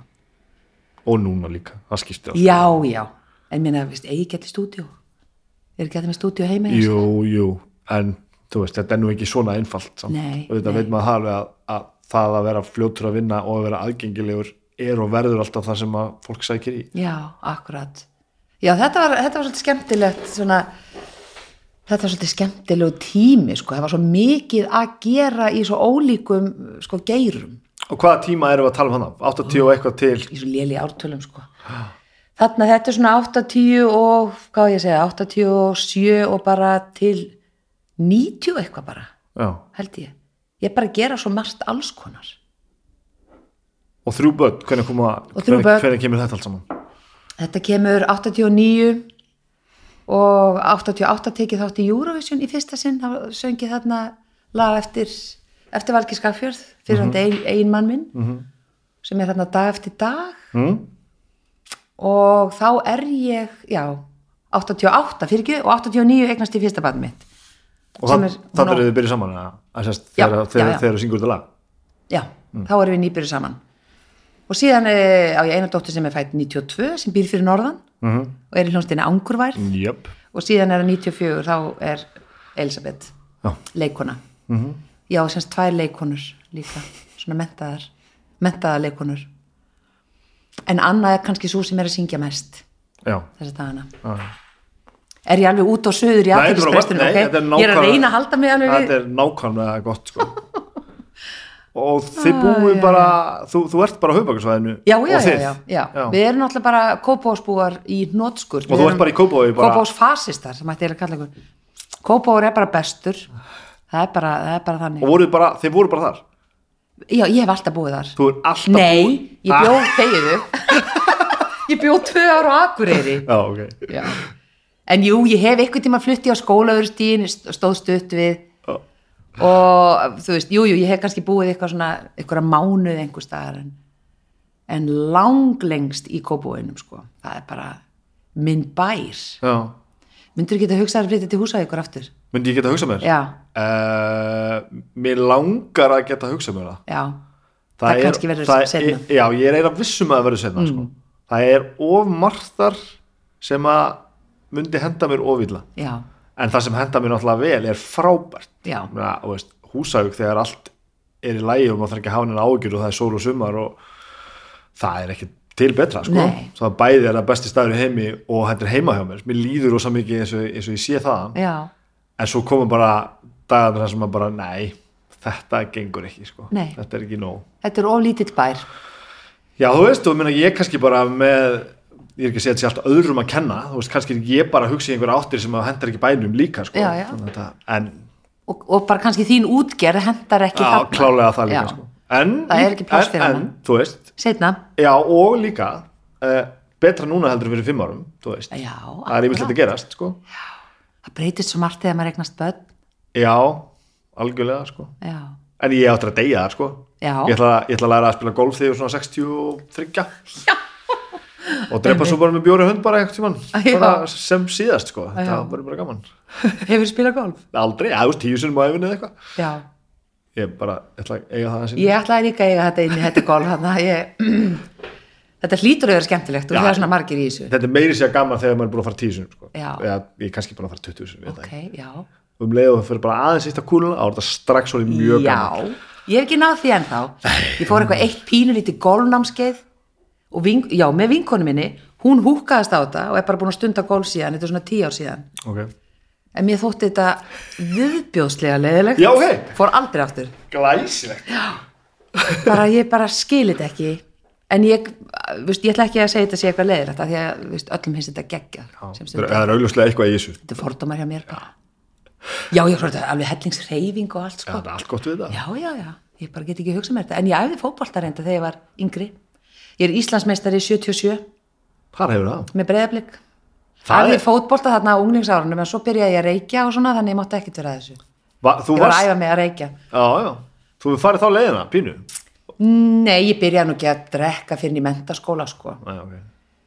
ég þóttist vera að drekka með hinnum en ég, ég þorði það ekki ég, ég er svona nett svona chicken sko ég, já, ég þorði ekki að byrja að drekka en á busaballinu drakk ég Ok. mann eftir því og já, það var svolítið spes Þegar þú byrjaði að það syngja- voru ímyndunarfyllir í þarna í Gaggo mann eftir því Já, það eru góð fyllir líka Já, já, sko. maður held á einhverju og, og reykja, það er einhvern veginn svona rettaða manni þarna að vera þó byrjað að reykja Þegar þú byrjaði að syngja þessum keppnu Ég maður, þú veist, þú tala um Eurovision Svo Ah. Já. mann eftir þarna þarna Landslagið. landslægir Já. Það allt saman uh, og, og, út- út- og þú, meina, þú vannst landslæg, landslægið ekki já, 92 minni mig, Og eh, ertu þá að fara inn í þetta Þú veist, grótart alveg Þú, veist, þú ætlar að vinna þetta nei Nei, nei við fórum þarna við Pálmi með þetta lag sem okkur, við, við vorum mjög sátt við þetta lag Mhm. en við vorum bara alls ekki að fara að vinna þetta við heldum að Eyvi myndi vinna þetta En svona attitúti í þér af Því að þú veist, mér, nú er ég svona Nú er ég fann að skynja Já. það eins og bara allt hafi gerst já, Þú veist þessum varst að segja rosalegt metnaðileysi Þú í veist- rauninni Uh, langaði þið ekkert að vera dífa eða langaði þið ekkert að gefa plötu eða gera út plötu eða, eða, eða, eða langaði þið nei, þetta, þetta, þetta, þetta er mjög skrítið ég fílaði mig bara best í bakrötum ok, mér fannst það geggjað en til í hitt samt já, ég var til í hitt svona eh, upp að vissu marki já, en hérna ég bara veit ekki af hverju ég hef ekki einhvern veginn, ég hef sko, ég hef reynd að forðast einsöng eins og ég hef getað bara á þessum tíma, auðvitað er að breytt í dag sko, já ok en hérna s- já, svo fæ ég bara eitthvað kjarkin þarna 2002 í rauninni til þess að kannski að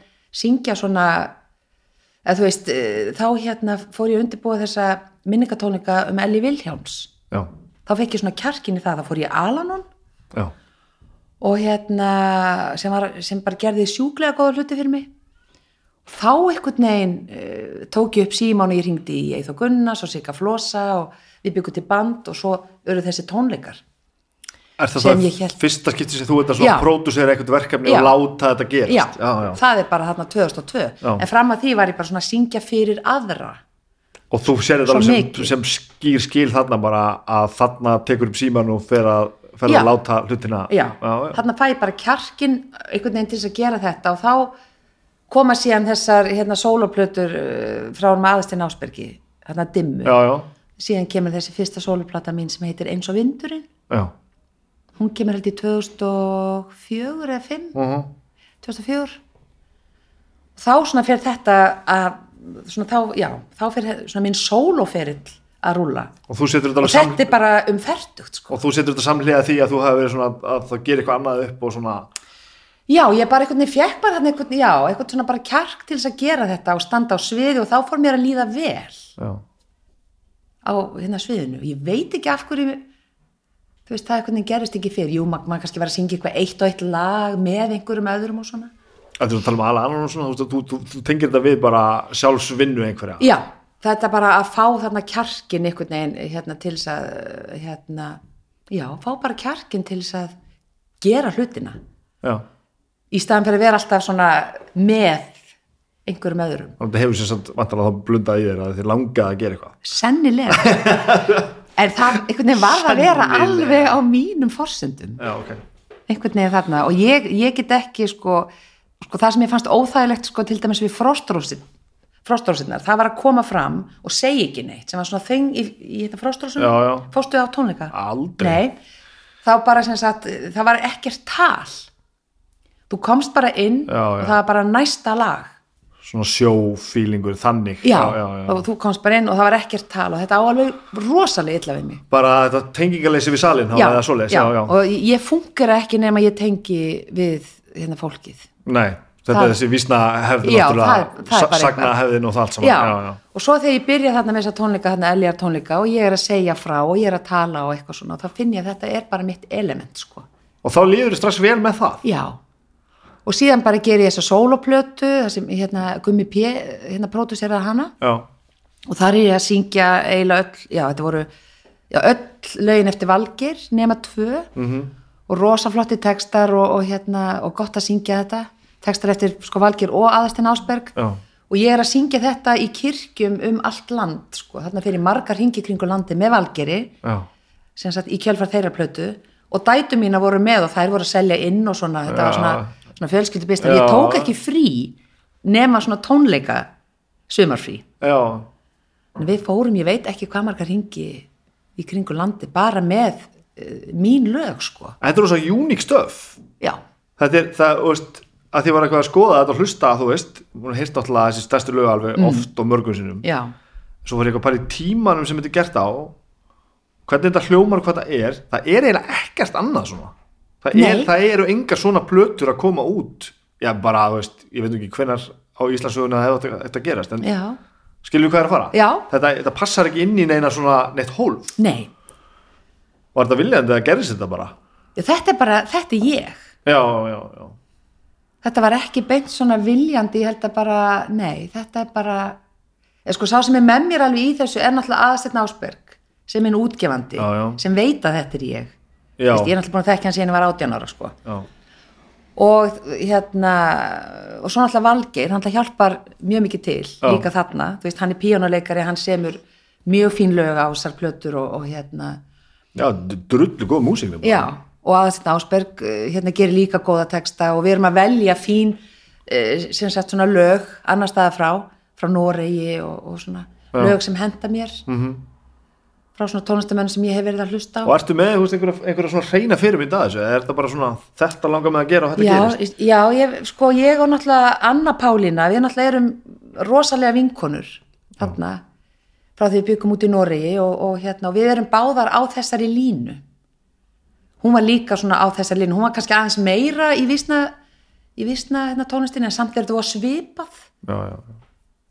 ég get eiginlega ekki líst þessu eiginlega Nei. hvernig þetta er eins og svo margt sem hefur ge- sem hefur gerst einhvern veginn í mínu lífi Já, þetta já, bara en- en ég- er eitthvað og ég einhvern veginn hef aldrei pælt í hvað þetta er þetta er bara mín leið mm. já og ég bara sko ég í mínu besta elementi myndi ég segja ég að syngja í kirkju þessi lög Já, þú sér það Þess- þannig já og, og hérna þá hefur verið eh, einmitt að ég er eiginlega bara með hljómsveit sko sem hefur bara fyllt mér í gegnum þetta svolítið sem er Ásker Áskersson og Gunnar Gunnarsson og það mikið og við erum bara að flytja þessi lög í kirkjum af og til sko Og er, er það kirkjurnar að því að húsin eru góð eða, eða, já ég bara er, dýrka að syngja í kirkju Það er ekki, trú, ekki trúar tengt endilega Nei, ég er alveg trúið sko, Mm. en, hérna, en þetta er ekki beint svona trúaleg tónlist, en mér finnst bara sko, kirkjan er er bara svo gott tónleikahús. Já. Já. Algjörlega, sko Og ég er bara svona eina af þeim, ég er bara á mjög erfitt með innir, Já, er bara, þú veist, í þessum, hör, eða á þessum hörpu tónleiku sem ég þurft að taka, þurft að taka, sem ég fengi að taka þátt í, en þurft að vera með innir, ætla ég að segja. Þá hef ég bara verið í rosalegum vandræðum, sko. Já. Veit ekki hvaða er með þessi innir, er bara, þetta er ég bara á svo erfitt með þetta Þetta er æfing, sko þetta er bara æfing Já, já, já, þetta er allt, allt annað Maður já. er búin að gera hitt í mörg, mörg, mörg ára Þetta er alveg Maður á ekki að stökkva til og fara bara að tróða einhverju eirun á sér og halda þetta að segja eins Það er ekki- nei, nei, nei en já, það sem ég elska er bara að vera í kirkjunni bara með mitt airbox Já, og með bara bassa, hérna kontrabassa piano og svona ver, vera í umhverfinu svona, með þetta Já. í kring kringu Já, já, ég skil syngja góða texta tala við fólkið Já. og túlka túlka tónlistina, mér finnst það mjög mikilvægt Hver, En hvernig ég, ég get ekki sungið bara eitthvað út í loftið Það- nei, nei, nei, nei. En hvernig með, þú veist þó ég geti það, auðvitað hef ég gert það skilur, ég er ekki að segja það, en í dag vil ég ekki gera það Nei, nei. og ég gera það ekki í dag, ég syngi ekki bara eitthvað út í sko. loftur Ski- skiptið það, það hlýtur að hafa skiptið einhverju máli hvernig þetta seldist og svona, þér vantar ekki sama þegar þetta fer að vera vinsælt og svona, Ertu ekki ána, þú ert vantar að ána með það, fjandinn hafið það. Já, já, en ég held þetta hafa aldrei selst neitt eitthvað rosalega vel þessar, þessar plötur, sko, Eh. Eljarplatan seldist mjög vel, Já, hún seldist mjög vel hún bara held ég seldist upp, sko já. En ég meina, þú allavega orðin meina ég kannski svona svolítið, nafn, svolítið mikið stórt nafn sem söngkona, þannig að þú veist, er þið sama um það? Það liggur við þegar maður tala við þér, þessu líður bara svona eins og bara, já, já, þetta er allt bara fínt. Ég veit það ekki, veistu, ég upplifði mig ekki sem eitthvað, eitthvað nafn, Nei, ok. mér já, stið bara já. alltaf hafa bara verið bara svona einhvers staðar í miðunni, sko Já, já, já. bara svona, já en hérna, ég hef alltaf haft ógislega mikið að gera samt, Já, þannig að ég hlýt nú að, að vera ágætt, sko þetta er ekki eitthvað rétt. Já, ég veit að fyrir að gera eitthvað rétt og í svona alls konar sko, ég hef aldrei einhvern veginn uh, fest mig við þú veist, ég er að gera alls konar verkefni syngja alls konar og, og hérna sem ég fíla samt Já, já. sko og hingað og þangað í, uh, þú veist, fyrir alls konar félagsamtök og svona þessi lög sem ég hef verið að gefa út og uh, þú veist Og vantarlega lög. það er æðislega Já, gaman og löngu þá komin í það að þú velur bara, þú segir þá bara nei, alveg heiklust. Já. já. ég segi bara nei og mér finnst gaman að syngja veist, þessi gömlu, góðu, fallegu dægurlög og veist, bara lögin sem Elli og Illi og, og bara alls konar hérna, liðsöng sko, Já. í gamla daga þetta er svona lög sem höfða alveg til mín svona 60s, 70s, 50s mér finnst mjög gaman að syngja þau sem eru góð og með góðum textum og svona, fúsa lögin og þetta, ég held að ég sé bara gömur sál sko, Já. ég hef aldrei verið hip og cool, ég get nú alveg sagt það aldrei nokkuð tíman, ég leiði með vinkonu minni alveg rétt, ég vorum hvað vorum við, tvítuar eða nítján og þá voru allir alveg fyrst á strangles Aha. og það var bara svona slagsmál um sko, útvarpið eða plötuspil, ég man ekki alveg hvað það væri en hún hlustaði á Strangles en ég hlustaði á Níls í Daga Já, vá. Veist, hvaða, það segir svolítið mikið sko. Níls í Daga, þú veist, come on maður á ekki að segja frá þessu Jú, þetta er töff. já, já, En- og hann hefur samið fallið lög það er ekki það, Já. en þarna var ég í, í vanninni kannski, Já, frekar en í töfaranum skemmtilegt. já, Og varstu alltaf í, þú vart alltaf að vinna í dagskapgerinni, alltaf í útvarpinu alltaf útvarp. já Já, síðan bara fór ég reyndar yfir á bylgjuna og skjá einn það, ég var þar í 6-7 ár skjá inn. nei, ég var bara eitt ár á skjáinum en 5 eða 6 ár á stöð 2 Já, já. þarna Íslandi bíti Já, og já, Íslandi í auðvitað, dag það og allt saman, já. allt það, Og, og, og það er gaman. já, ógislega gaman Já. það var ofsalega gaman, en rosaleg vinna Bara, gigantísk, ég held ég hafi nánast gengið fram að mér á þessum tíma, ég var sko komin eitthvað kortir yfir 5 í sminkstólin sko já, já, já, já. þetta var, já, þetta var erfitt en gaman eins og oft er sagt sko, Og þið með, vantarlega með þáttinu og alla dagskapgerðina og allt saman. allt saman já Kleppur sem það er. algjör kleppur og ég og sko hérna dætu mín að hugsa til þessa tíma alveg með hryllingi af því að þá er ég alltaf að reyna að leggja mig Já, já. eftir hátíð að bara sss, Hvað alltaf ertu að gömul sissa börn þar. þarna? Fjandinn Ó, hafi þær eru ungar sko þær eru kannski 5, 8 og 3 og ég að rífa mig upp nei alveg, ef maður hugsa um þetta rífa, rífa sig upp um meðanætur til þess að fara að vinna reyna svo að leggja sig, þú veist, eftir hátíð ég held ég hafi ekki séð mikið að, að börnunum mínu hérna sko Sem mér finnst- og mér finnst erfitt að hugsa til þess Já. en eh, sko eftir tvö ár þá bara gafst ég upp Á þessu, já, já, og þá fórum við í Ísland í dag ég og Snorri já, og í rauninni var það ekkert skára því þá er ég komin heim klukkan átta þó ég hafi þú veist geta eh, hérna sofið lengur og, og komið um í skólan og svona Já. en þá, síð, en þá misti ég af kvöldmatnum já. veist í alvörunni þetta Og er allir dagar endalaust. Já. Það- já. það var rosalegt álag og á ákvönnu tímapunkti þar ég held svona eftir eitt og hálft árið eitthvað svo leiðis þá gafst ég upp Já, og þá bara sagði ég upp og fór á laugadagsmodna á Rás 2 já. það var bara geggjað, þá bara gerði ég það og söng, Og náður að gera það bara, þá að vinna þín. já, ég náði að gera það bara í svona tölverðan tíma sko, ég man ekki hversu lang ég er alveg rosalega léli með ártöl Já.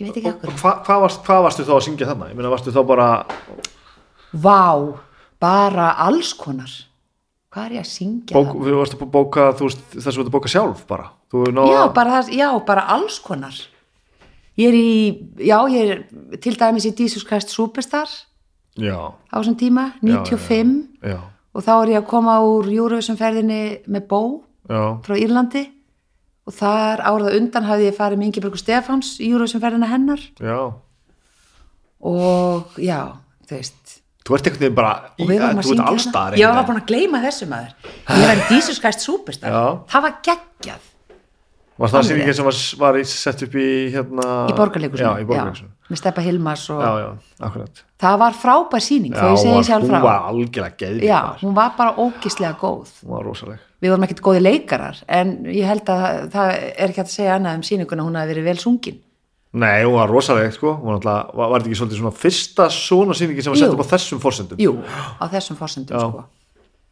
og við erum að hvað var þetta ekki eitt ár sem við erum að Já, þetta gekk allavega bara ég man ekki hvað þetta gekk lengi sko. svo náttúrulega er maður að syngja einmitt lögin úr þessu líka Já. þess það eru líka gikkin Já, já, já, og já, já. hérna, já, En gerur þetta, safnar þá í sarpinni uh, úr það sem við hefur verið að syngja gegn, gegn tíðina og, og átt í bankanum með það? nei Nei, ég held, ég á enga mynd ég á enga ljósmynd eða neitt úr, úr mínum ferli Já. og ég hef stundum fengið svona stingi hjarta eitthvað sem ég guð mig góður, þú veist, bara sko dætu mínar mun ekki, þú veist, erfa neitt sem tengist mínu ferli jú, ég á íslensku tónlistavelunin ok. ég á eina, eina svona gler fíguru en ég veit ekki hvað þetta er ég held þetta sé aðteglisbrestur, þetta er ekki eitthvað ég eh, sé viljandi ég er bara einhvern veginn snýst oft í ringi þú veist, ég veit ekki hvort ég er að koma eða að fara það er eitthvað svoleiðis ég er bara gleymt að safna þessu og svo upplifið þetta í gegnum friðrikómar jú, ég er að syngja með friðrikómar þarna, 90 og eitthvað þarna, alveg rétt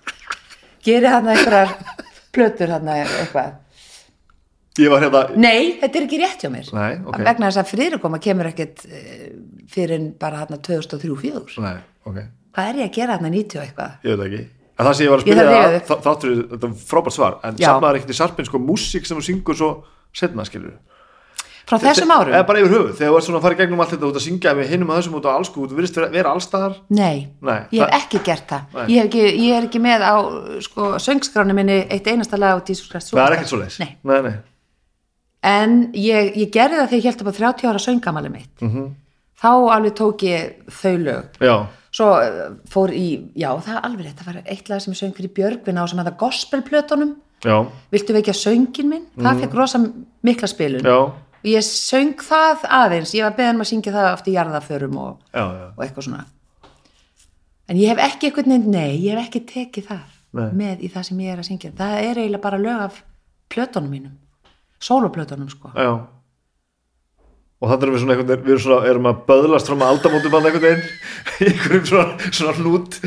Guðmi góður, ég veit það ég hef alltaf haft bara ógeðslega mikið að gera Já, þess vegna held ég að ég gleymi svo mikið hvað ég var að gera já, já, að því ég, það var aldrei eitthvað eitt það var bara svona svo ógislega margt já, ok. Hver er þessi fyrsta sólplata? 2003 Ok, ef Já. við vinnum okkur svo það, hva, Já. hvað gerist, hva gerist eftir þetta? eftir sóluplötuna þá sem sagt fer ég að segja já það er sko Eljarplatan Mm. Já, sem er tekin upp á svona tónleikum akkurat. og það er bara af rælni Og Ég hún var sagði alltaf bara- monster, sko. já hún var uh, hérna hún seldist upp Já. sem er mjög ánægilegt sko og, og hún var bara tekin upp að rælni, pældi því og það var til ein, já það var einhver eitt sem tók mynd af okkur á sviðinu úr áhorfendaskaranum og svo mynd er forsíðan Já, þetta er eina myndi sem er til af þessum tónleikum sem er svo magna sko og ég hérna eh, ég, ver- Svenni Kjartans var eh, þetta hljómaður eða eitthvað, ég segi já nei, og hann spyr hvort að hann eigi takit upp og ég alveg já, já og svo hlusta ég á upptökurnar sko sex mánuðum síðar vá. þá ringir ég mig og segja, viltu ekki fara að taka upptökurnar hérna og ég, já, já, alveg rétt svo fer ég að hlusta á þetta og þau hugsa með, þetta er bara fínt og þá gefum við þetta út En hver er þá það tilur- stóð aldrei til að gefa þetta út einu sinni Hva, hvers konar ferill er þetta Hver er tilurinn að, að- að tónleikunum þá? Ertu bara, dundaði við að syngja Ellie og langar að gera það bara á sviði, svona? já, það bara er sko, hún hafði dáið þarna nokkrum árum áður og mér fannst svo mikil synd og ég var mjög eh, miður minni yfir því að það voru aldrei haldnir minningartónleikar um hana Já. og sér að hún degi þarna og hún var eh, 95 minni mig og ég er að halda þarna eh, 96 og ég er að halda þarna minningatónleika 2002 Vá, já og hérna og mér minnir að í millitíðinni þarna hafi svona einhverjar eh, karl söngstjörnur sem sagt hérna látist og það hafi verið einhverjir minningatónleikar Já, um já, þá einmitt. svona satt svona í mér að voru engir minningatónleikar um hana já. þannig að þess vegna þarna tók ég upp símtólið þarna já, síðan koma þessar sóluplötu mínar þarna, eins og vindurinn og hérna umvafin englum síðan Mhm. þá hafði sena samband við mig að því að sko Elja platan hún seldist svo vel já, og þannig þeir gaf út þarna englaplötuna mína sem Kitty held ég í hjálmum haf- eh, hann- hérna bakalúta Kitty já, hafði pródusérað. já og það er bara meir, svolítið meira í sama Þá, þannig ertu í þessu vísna Já, ég er svolítið að velja svona þessi væmnu lög. Ég man að Kitta fannst þau ekkert sérstök. og hann kom með þetta, hann kom með, með mjög góða hugmynd hérna, með Amy Mann-lægið, þarna, að eitthvað heitir það ennsku, ég man ekki, það heitir eins og vera ber hjá mér. Hún er alveg tómur Nei, já, en þetta, það lag og umvæðin englum, Já. það voru svona þau lög sem svona heyrst mest af þessari já, plötu. já, Þannig að Kitty ætti nú góða innkomið þarna sko. Já. En síðan kemur þetta, já, umöfn englum af þeirri plötu og það er bara lag sem ég er ennþá að syngja í dag. sko. já það er alltaf það er svolítið lægið já er það ekki? Jú, það er svona svolítið lagið mitt, umöfn englum og svo er ég mjög mikið að syngja He- heyri minna bæn. Það er svona þessi tvö lög sem ég er mest að syngja í jarðaförum já, og ég hef verið mjög mikið að syngja í jarðaförum. Minna í brúköpum, já. okkur allir þessi veit ekki, svona sad singer, nei. fólk hugsa til því þegar það er sorgmætt Já, kannski bara það. Ég hef alltaf verið meira fyrir svona, hérna, róleg fallilög. já, kannski músikin bara hreinlega hendi, hendi betri Já, það er bara eitthvað, eitthvað svoleiðis og svo náttúrulega bara fer þetta ævintýri hérna ég og Friðrik Ómar, Já. við gefum út þrjárplötur Hva, sko, þannig ertu búin að vera að gera þetta vísna allt saman Já. og, og einhvern veginn og eljar, og það já, Já. einhvern veginn slæðist alltaf einhver svona jazzfílingur með öllu þannig já, er ég út á, út á túnum með það Nei, nei, algjörlega. hva, hva, hvaðan kemur það ég held að það komi bara eitthvað úr bara, mm, sko, benskunni að að því að mamma er að hlusta á Ellu Fitzgerald já, og já, og svona djass, en hver er þín einsinn í þú veist, jazz annað heldur en bara tilfinningin ég sko, það það er bara einhver tilfinning þarna, það er bara MK kvartetinn já, og ég hlusta mjög mikið á Ellu Fitzgerald og, og hérna, og svona þennan létta til, þetta er svona léttur djass, Já, þú veist, já. þetta, þetta er ekki nútíma djass, sko. nei, að það er bara einhver taug í mér sko. Já. og ég man að á tímabili heldur margir að ég myndi fara út í djassöngin já en ég gerði það ekki og, og veltur ég eitt fyrir þér nei, af því ég held að þessi vísna djass já, innan gæðsalapa já það, sem er gott orð já, Eh, einmitt. það er bara mitt Já. það er svolítið mín mitt hjarta slæðir svolítið þar sko sem er stór merkileg stefna sko. þetta er, Já. alveg, þetta er En þetta, en sko, ég er ekki alltaf að syngja eitthvað mísnandi, ég er líka bara rosa mikið bara að syngja bara, þú veist, vísur líka, skilur Já. bara, já, já. bara fallega texta, já. og hvernig kemur þetta en, sem sko, hvaðan kemur þetta vísna sko, hvaðan kemur sér vísnandi það er líka á, svolítið góð bara- spurning ég, ég veit ekkert sko. nei, ég veit það ekki, þetta var bara einhver held í gróska á þessum tíma þarna, á milli 80 og 90 já, er einhver svona vísnadjas er Gróska. það svona mikið já, á Norðurlöndunum og það er náttúrulega bý ég þarna líka í tvö ár og það er eitthvað svona, ég veit ekki það er einhver gerjun þar já, og til dæmis, hérna, það eru bara svona svo Kari Bremnes já, hinn norska já, hún er hérna hún er kannski þarna alveg kristallast þessi vísnadjas í hennar músík sko. já, þannig ef þú hlustar á hana þá eiginlega heyrur þetta já.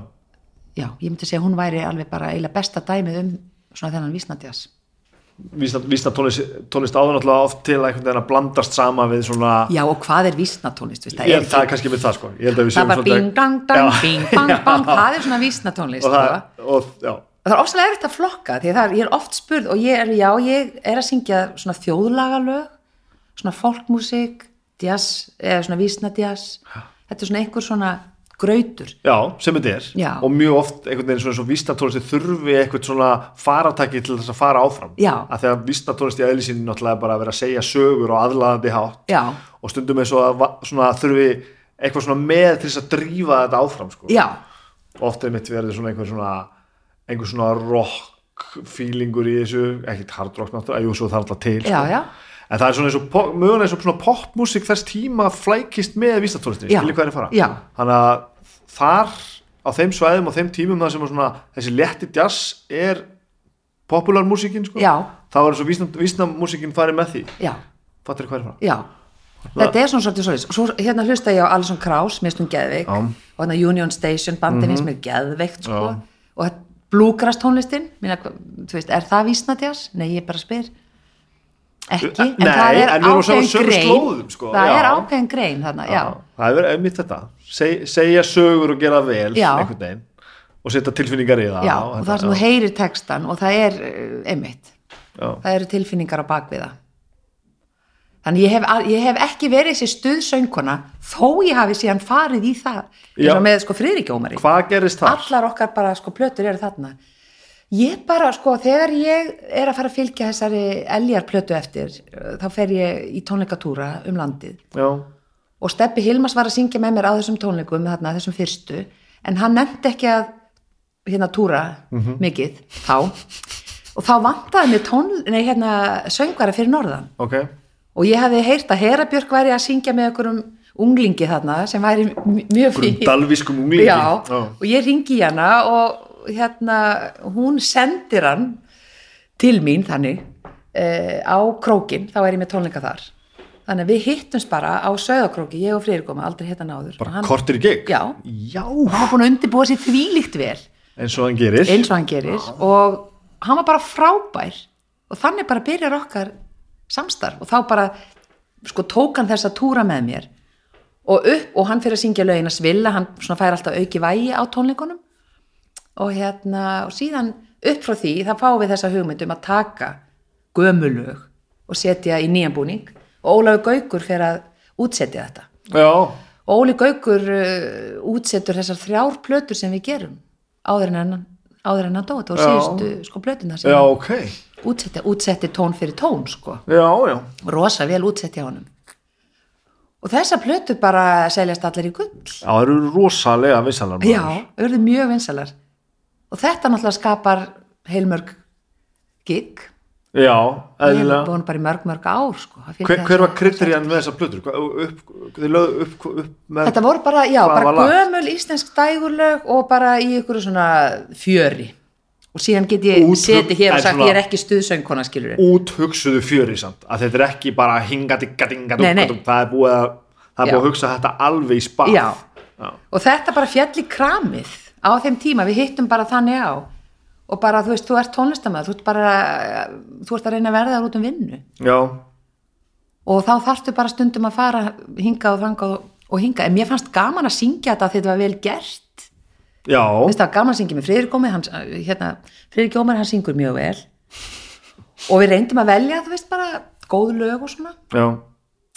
en auðvitað var þetta, viðst, þetta var fjör og stuð Þetta er eitt af þessum dæmum það sem að sko vandvirknin og, og, og yfirlegan skemmir ekki neistan sko. nei, Það er ekkert leiðilega heldur en tónlist eða öll önnur list sem er búið að liggja svo lengi yfir að það er búið að gleyma því að þetta þurfa að vera gaman já, kannski ekki alltaf gaman í þessu tilfelli vantarlega gaman en svona a- að ástriðan þurfa að koma í gegn Já. það er búið, að ú- ú- bara búið að hugsa ástriðuna úr sko. þetta er einhvern veginn alls ekki þannig nei, og þetta er rosa langt frá því að vera mín tónlist já, e, e, mín tónlist e, mín nálgun skulum við segja Já, já, eða en bara- ég heyri þetta samt og ég er bara svona já, ég skil þetta, Já. ég er mjög ánægð með þetta já sko það sem skín í gegn hérna er hérna að við höfðum svo gaman að vinna saman ég og Friðrik Ómar já, við bara urðum svo góði vinir og hérna, og svo er hann bara hann er svo mikill markaðsmaður já, hann er bara fættur svona, hann magna sko bara no bullshit og alltaf að hann vera bara, leið já, hann bara tekur utanum þetta, heldur utanum þetta og hérna, hann hefur gert það með þetta já, Já. og við höfum bara ókslega mikið að gera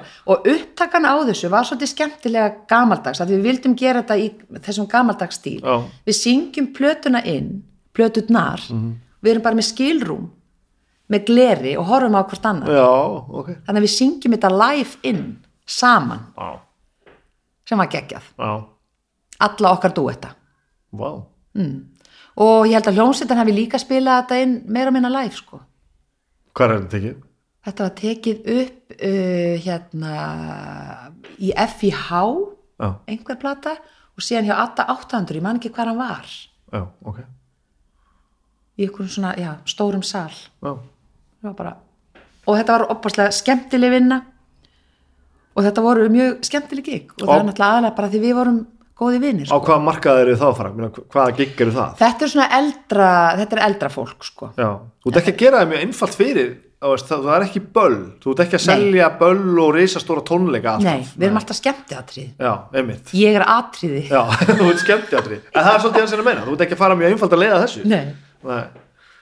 en þetta var ógislega gaman sko en svo bara rennur þetta sitt skeið svo Já. langar þið bara ekkert að syngja þetta meir og þetta bara, þetta, þetta kláraðist bara já ég myndi segja það sko það er langt síðan við höfum sungið þetta Já, ok. En veist, þá bara er ekki lengur eftirspurn og, veist, að það, og okkur langar ek- þú veist kannski ekki að gera þetta meir Nei. Þú veist, þá verður maður líka bara leiður á þessu en þið voruð að hamra játna með að var heitt eða hvað þegar bara, Algjörlega. bara ný plata þegar gengur vel Já.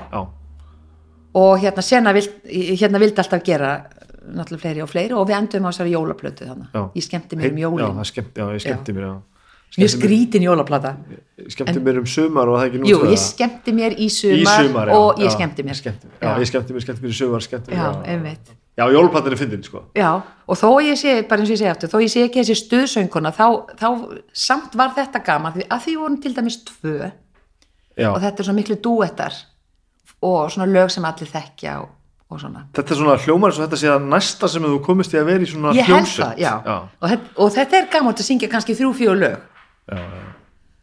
og allir, úi, og það er gaman þú veist, og svo er það bara búið Já. en ég gæti ekki gert þetta í marga klukkutíma nú, nei, ekki svona, þú veist, ég gæti ekki gert þetta á balli okkur ekki? ég veit það ekki ég er þetta bara, ég er bara, ég hef ekki rödd í það sko já, bara fysiskt mennanu já, eða bara í eitthvað, ég veit ekki, ég veit ekki hvað það er ég held þessi ekki rétt ég held þessi rétt,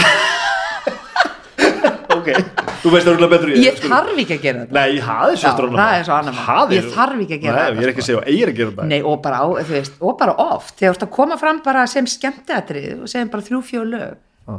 þú veist, ég held að ég hafi haft meira upp úr því heldur en að syngja á heilu balli Já, ég skilji, já, já, já, já, já, alltaf, já.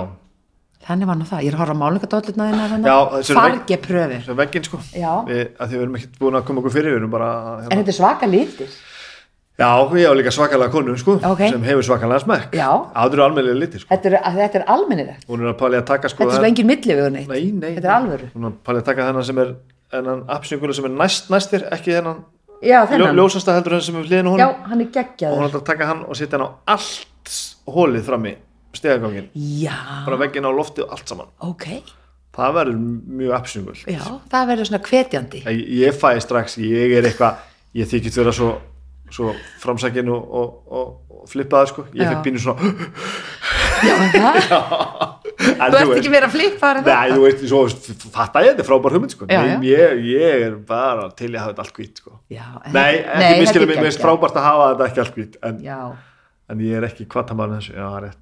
já, en ég alveg bara kaupi þennan ég, Já. held- ég held þetta verið gegn Það er þessi og þessi bláu við hliðin á. Já, ég held ég að hann held fari þetta, hérna á, á þessu rými sem við horfum á hérna, Já. bak við sjónvarpið og vegginn. mjög hérna. smart Þetta er gott sko. Og ertu svo bara í, þú, og fjölmiðlar bara með þessu bara alltaf. alltaf, Það hefur aldrei verið ekki í fjölmiðlum. jú einu sinni, eitt Hefur ár einu sinni verið ekki í fjölmiðlum. já, það var eitt ár sem ég var ekki í fjölmjölum Ok. og hérna þá fór bara allt einhvern veginn eða mér fannst það einhvern veginn mér, mér fannst þetta ekki nóg einhvern veginn að vera bara að syngja Já, þið fannst ekki nóg að, já, ég skil ég. já, og einhvern veginn, ég veit það ekki ég, viðst, kannski maður bara alveg svona upp Já. Þú veist, að Já, syngun er er ekki bara brjálæði- auka vinna já, já. og mér fannst ég einhvern veginn ekki hafa nóg að gera sko. En erum við að tala um það, eftir Mhm. þetta fyrir að ganga allt saman, já, að þetta séu innan allra gæsalabá, ég er ekki að tala þetta niður, einu vinnundar sem þú hefur unnið, fjölmiðlamennskan og Já. söngurinn. síðan síðan ég uh, já, síðan ég bara átti mitt fyrsta barn Það er, nei, bara síðan 86 það er rosalegur árangur maður. já, Og aldrei verið evi í þér, eða þú veist, bursið frá hvort þetta hefur gengið vel að illa. nei ég hérna, þetta bara mér finnst þetta svo gaman og þetta alltaf og þetta er ennþá gaman Vá, Já. það er grófast. og sko fjölmiðlavinnan er skemmtileg uh, bara vegna þess að ég hef áhuga á fólki og mér finnst ofslega gaman að taka viðtöl og vegna þess að það er svo opaslega skemmtilegt fólk sem vinnur með mér Já. og ég upplýði einhvern tíman upp, einhvern tíman, ég upplýði það bara til dæmis núna hérna í þessu hérna COVID Já. dæmi, að því ég fór bara í vinnuna og bara við vorum bara ein þú veist ég var bara ein í stúdíón og svo var þölurinn og það, sko, það var ekki hana þegar það var allt hólfa niður í svona sóttvarnasvæði -hmm. Mhm.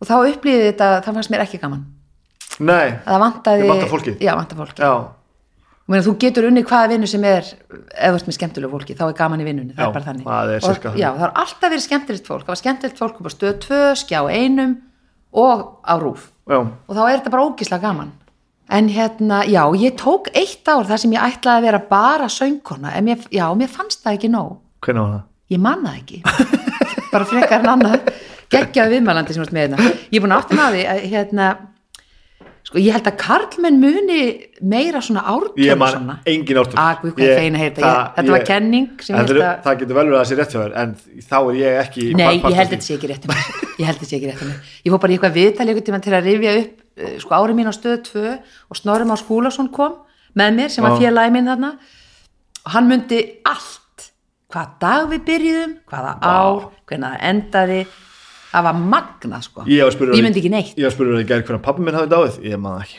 Ertu að meina? Nei, ég bara man ekki árið sko nei, Svona bara, ég man ekkert svona nei, vá, þú slær mig út þarna Já Manstu hvernig pappi minn dó, ertu að menna það? já, þetta man ég En, þú veist, eh, en ég er líka hættur að láta þetta bögga mig sko Þetta Já. bara, ég man þetta bara ekki Nei. Það er þá bara til aðeins sko já en fyndi sko hérna, já, ég veit ekki hvað þetta er hvað heldur þetta sé, að maður mun ekki svona ártölu svona, Sko ég held að mér sé eh, Eftir að árin líða og ég fyrir að pæla í þessu Ég held Já. að mér sé pínum bara sama sko er það ekki bara það? Jú Ég held að mér þú veist, þetta er alveg merkilega ár en ég legg þau ekki, ég legg ekki þessi og ártölu þetta skiptir mig ekki minna máli ég er ekki að sko. skrifa æfisögu Nei, hérna, þetta meðan ég er skiptir að mig ekki lifa. minna máli og ég kann að meta allt sem ég hef gert já, en, en þarf ég að muna sko, hvaða mánadag ég spilaði með sinfoníunni, skilur Já. veist, Þetta er þetta merkilega sem ég hef gert að spila með hljónsturinn mín Já. og sinfoníust Íslands já, en mér finnst það ekkit það, það flækist ekkit inn í merkilega heita stíði hjá mér sko hvaða dagsinninga var Nei. og heilinni mér bara virkar ekki svona Nei. en, þannig ég tengi mjög vel við hvern, hvernig þú verðst að reyna að grafa þetta upp hjá þér því ég er bara, ég spurði þessu bara ég man ekki neitt það varst ekki neitt eða svo fynd, svo er já. þetta pínu stundum verður þetta pínu vandræði þegar maður ekki kennitölu barnana sína já, ég man þær Já, Ég man það þarf utan að- ég þarf að fara að læra mína símanúmer, ég held að það er svona einhver svona Já. það er einhver þarna Það er nú kynslóðamál greining hjá mér, nei ég held Já, að ég já, sé það er með einhverja alveg svoleiðis. greiningu, já Já, ég held já, það já, sko ok. ég, er, hérna, ég get fengið alveg geðvika þráhyggjur og hérna Sem uh, snúa á mér líður að hverju? ekki vel að ég, ég veit það ekki bara gagvart svona einhverju ég get fengið alveg rosalega þráhyggju gagvart einhverju uh, eina sem ég man sko núna er að ég fekk svona, ég er ennþá með þráhyggju yfir tónleikum sem ég fannst ekki ganga nógu vel til dæmis já, það er eitthvað svona sem þú getur ekki ég sleft get, já, ég get ennþá bara uh, bara Oh, þú veist bara þegar hugsunum kemur oh, er, er, þú veist ég veit ekki hvað það kemur ég get ennþá verið bara með gattakilu hérna að berja mig á baki með, með því að mér Já, fannst ekki já. ganga nógu vel sko og þá svona yfir þetta eitthvað og svona þrákjög gagvart í hvernig ég vil þú veist, hvernig ég vil kannski að lag eigi að vera en ég get ekki sagt hvað það er af því ég kann ekki sko tónfræði, ég hef aldrei eða, þú veist, ég kann ekki nótur Nei, okay. og þá get ég verið alveg bara já, þetta á ekki að vera svona, nei þetta á ekki að vera svona nei ekki eins og, ég, ég hugsa að það geti verið erfitt að vinna með mér stundum með þetta sko, já, að ég veit hvernig þú veist, hvernig ég vil ekki hafa það já, óbærslega leilt að geta ekki sagt, nei þetta er hérna demól eða eitthvað skil, ég veit ekki hvað er, ég veit bara að þetta er ekki réttu hljóm svo er það nú ekki alltaf nóg þó maður sé nú, ég er nú ekki, ekki, ekki og eitthvað bít sem ég veist ekki rétt á svona líka að reyna að lýsa fíling í tónlist með orðum er oft bara maður, þú veist maður fyrir að nota orð bara eins og, já það þarf að vera meira dökkblott, Já. bara þú veist, bara því að maður er að reyna að grípa til einhver sem að maður hvernig er þetta að lýsa þessu já.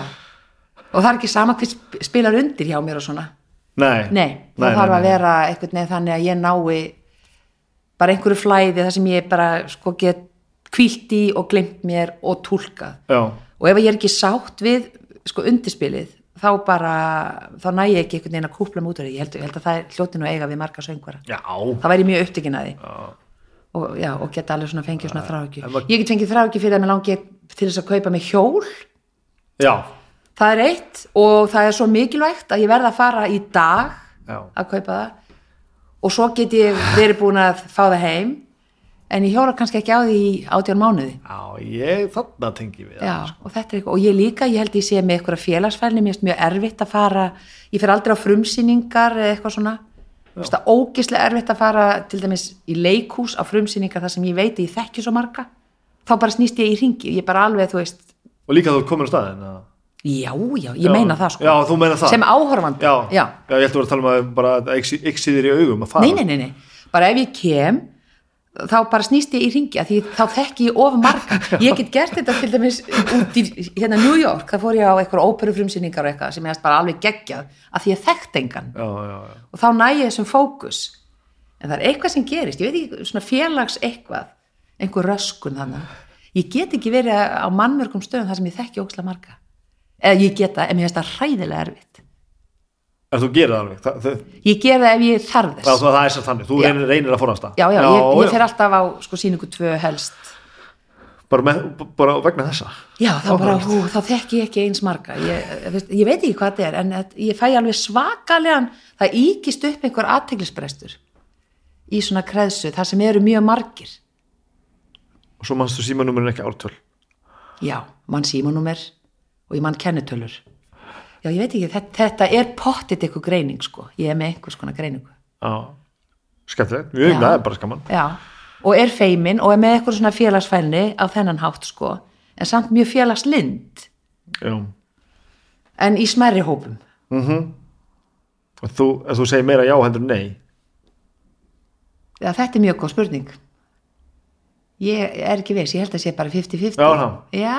ok, þá er ég bara held að- heppin, ég held að þú bara sagt já við mig bara, en ég hef einhvern tímann bara, be, bara Nei, við erum bara tvö hérna. já, það ég, er svo þægilegt. já, það er ekki bara þetta ef þú sungir um plötu með, með ljótu halvvitólum og sungir um ykkur tónleikum og Já, mér varst einhvern veginn já. alltaf vera já bara, Já, það, það, mér finnst það ekkert mál. allt svo leiðis bara Já, að syngja tónleikum og þú að sé, sko, 10.000 manns, Já, það er já. ekkert með það að gera. já, nei, líka bara það að segja bara já við okkur að koma að gera þetta sko. Já, eins og já, það var já, já. aðlum sem hún söng sem var Já, svona mér finnst það ógeðslega pínu, gaman. pínu harkalegt og, Já, eitthvað svona, og, mér finnst það það, geggjað. og þá upplýði ég bara já, ok, hún bara, er hún bara, segir hún bara já alltaf, er hún bara eina af þeim sem bara kemur bara að gera allt Nei, ekki allt. nei, ok, ok, ok En ég er alveg til í mjög margt, sko, já.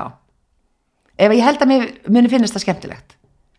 og það, lætur það stjórna hvort að Já, svolítið, og já, og svona einhver áskorun, eða mitt. já, Já, en ég, ég, sko, ég get ekki hérna einhvern veginn bara eiginlega orða þetta öðruvísi. Ég held að ég bara velji einmitt það sem ég held að mér þykir skemmtilegt. já. Og, og líka svo skora maður sjálf að sé á hólm og svona já, já, líka. já, Svo bara fannst mér því svo ógislega skemmtileg hljómsveit.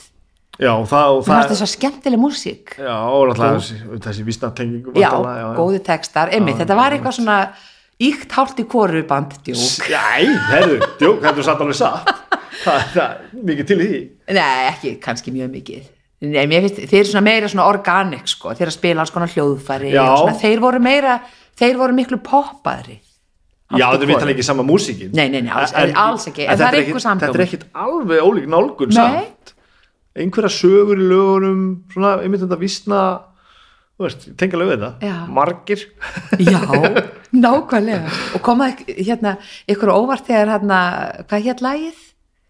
Pappi, hérna, elsku pappi, mamma. Já, Sonur hafsins. Já, Já. því að það, eh, var það ekki fyrsta lagið sem var svona ógislega Jú, vinsælt hjá okkur? segast, það, það, hálfið þetta er stofnaði sko Ármann hóar okkur bara saman alla vini sín og félaga sem að höfðu sa, samið einhver tækifærstlög fyrir, fyrir partí og svona dót. Ah, emmi. og einn af þeim sem Aggi, vinu minn sem þekkti ekkit endilega þá alla og ég sagði hann er fyndinn, hann hefur samið lög og hann samdi bara þetta lag fyrir einhver partí að því hann er bara afans, afarans eru sjómenn sko Já, og ok. pappans er sjómaður og, Já. bara allt þetta, og hann var bara að læra just, einhverja á tölfur einhver stað Já.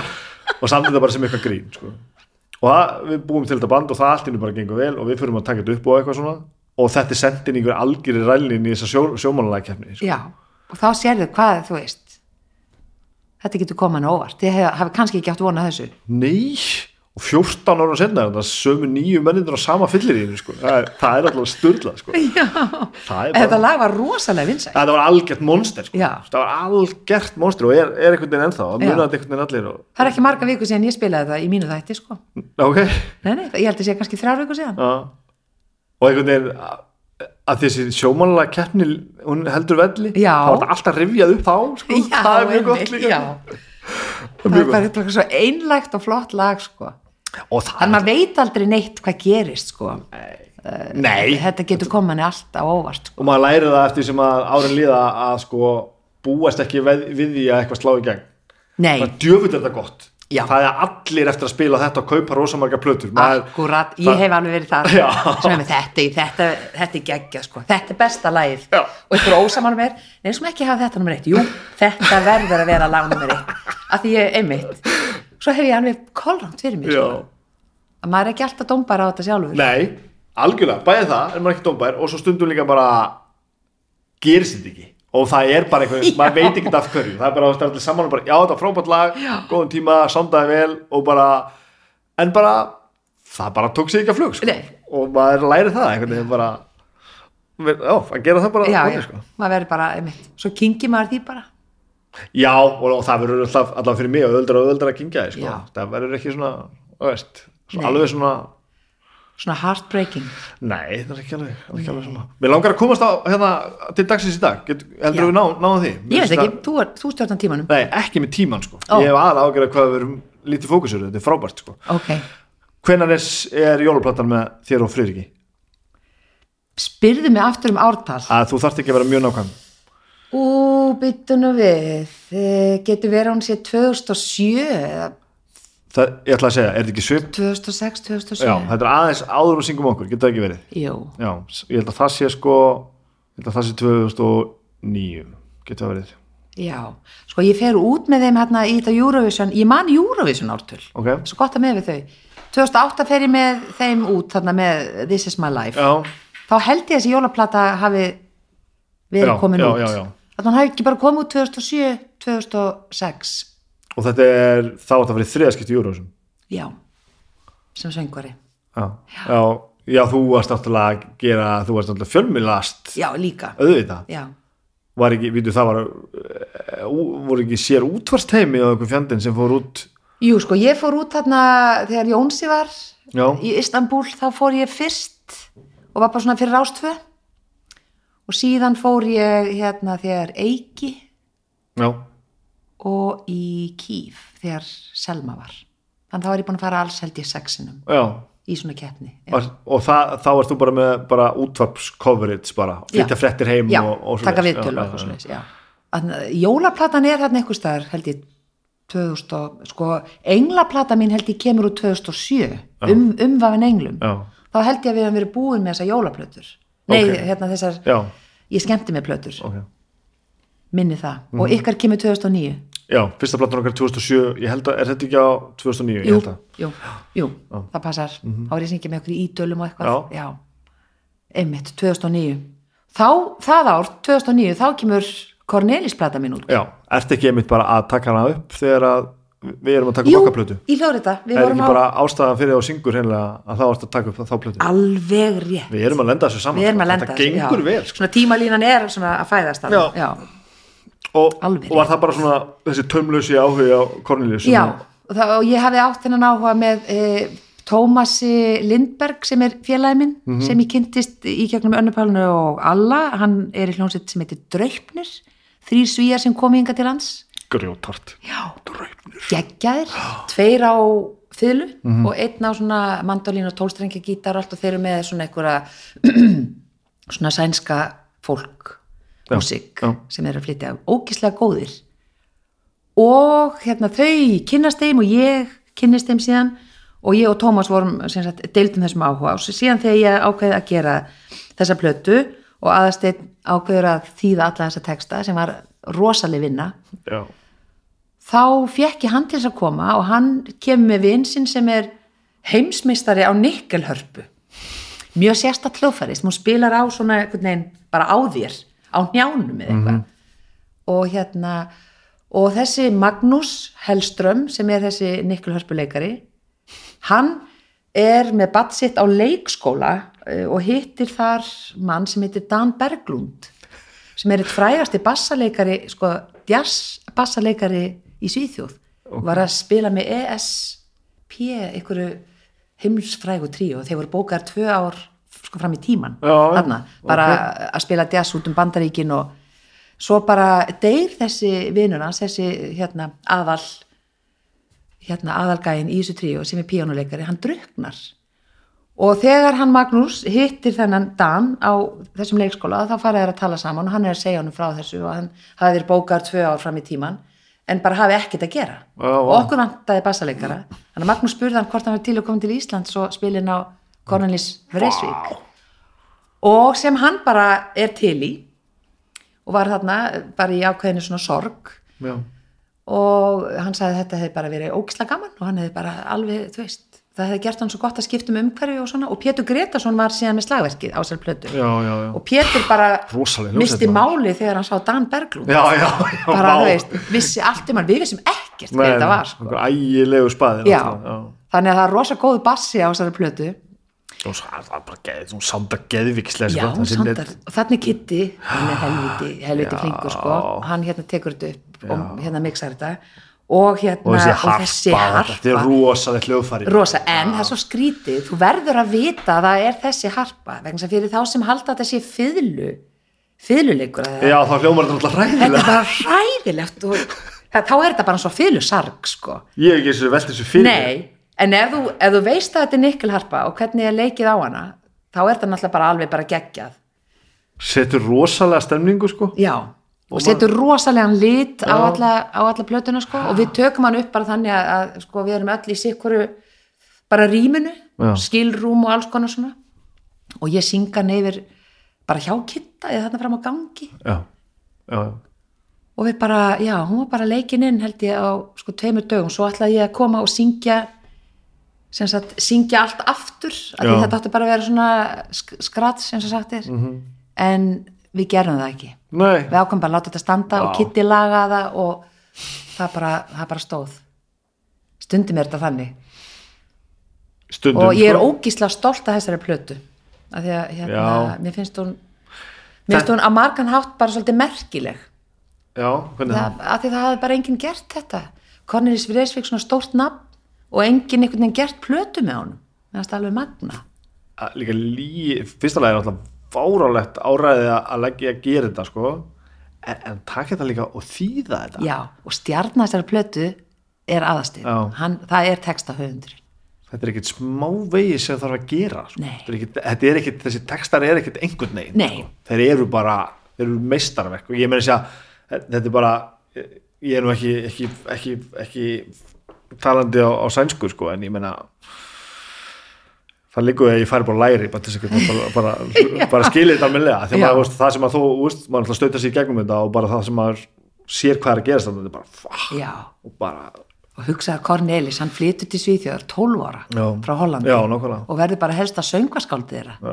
Magn, er það ótalandi þegar þegar hann flyttur já, já, alveg ótalandi hann lærir bara máli þetta er lýjilegt já, og verður síðan ljóðskald líka hann verður blaðamaður á einhver tímapunkti og, og það er vist það er ekkit einleikið að, að hérna og líka því áherslunar, þær eru öðruvísi þetta var mjög mikil áskorun sko fyrir aðastina því áherslunar, hann nú er hann bara svo vanur að þýða úr já, norrannum tungumálum já, já, já þú veist eins og Verónika, Já. Verónika en ó Verónika Þú veist, þetta- það eru alltaf aðrar sko, en hann bara gerir það svo vel já þetta er- þetta er Já, frábælega hann, gert hann, hann sko pakkar svo svo vel inn þannig að það verði ekki svona mikil einhvern veginn skil við lendum oft í mynd vandræðum með þetta þegar maður er að- einmitt, þetta, einmitt, þetta með áherslun á fyrsta atkvæði sko. Já. það íslenskan alveg bara, hún fokkar öllu já, sko. sem verður mjög erfitt stundum já og verður bara Koma þessu mjög fyrir. óðalegt, mjög hratt ef þetta er ekki vel Já. gert og við tala ekki um þetta skrimsli í höndunum sko. já, og hvað svo, þannig bara erum við komin til, það er 2010 já, og þú er bara að byrja í kópavæðinum og já, já, já, já við erum bara hérna, þarna er ég bara ég skil sem sagt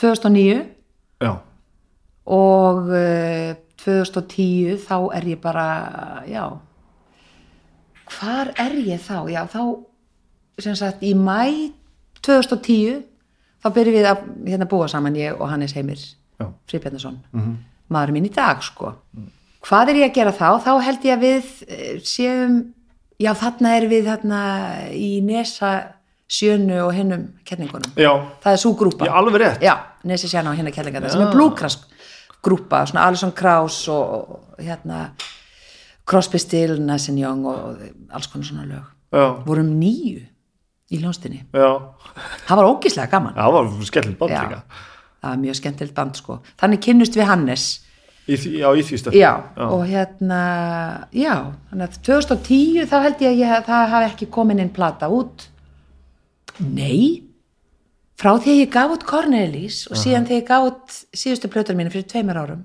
þá gaf ég ekki út neina plötu já, já, það er langt, langt gat Já. en samt er þetta á fullu, alltaf alltaf en aðalega að syngja sem sagt lög af þessum plötum Já. og taka þátt í alls konar tónleikum hjá öðrum haldandi sjálf tónleika, túrandi, svo er ég búin að vera með Siggu og Jekvani Já. í þarna við um samleik og það sem við erum að syngja svona þrýratað, bara svona gamla hérna, tónlist og við hefum verið mjög, það hefur verið mjög mikið að gera hjá okkur í því syngjandi í salnum alls konar tónleika og út á landi hefum farið í nokkra svona tónleikaferðir já, ég hef verið að gera það svolítið bara Þetta er allt svona verkefni sem að einhver svona, hvort sem að þú eða einhver annar er svona, það er svona verið að virkilega vera að búa þetta til. Já. Það er svona verið að setja eitthvað saman, Já. setja þetta á innan gæsalöpa markað já, og selja miðana með höndunum. já, Já.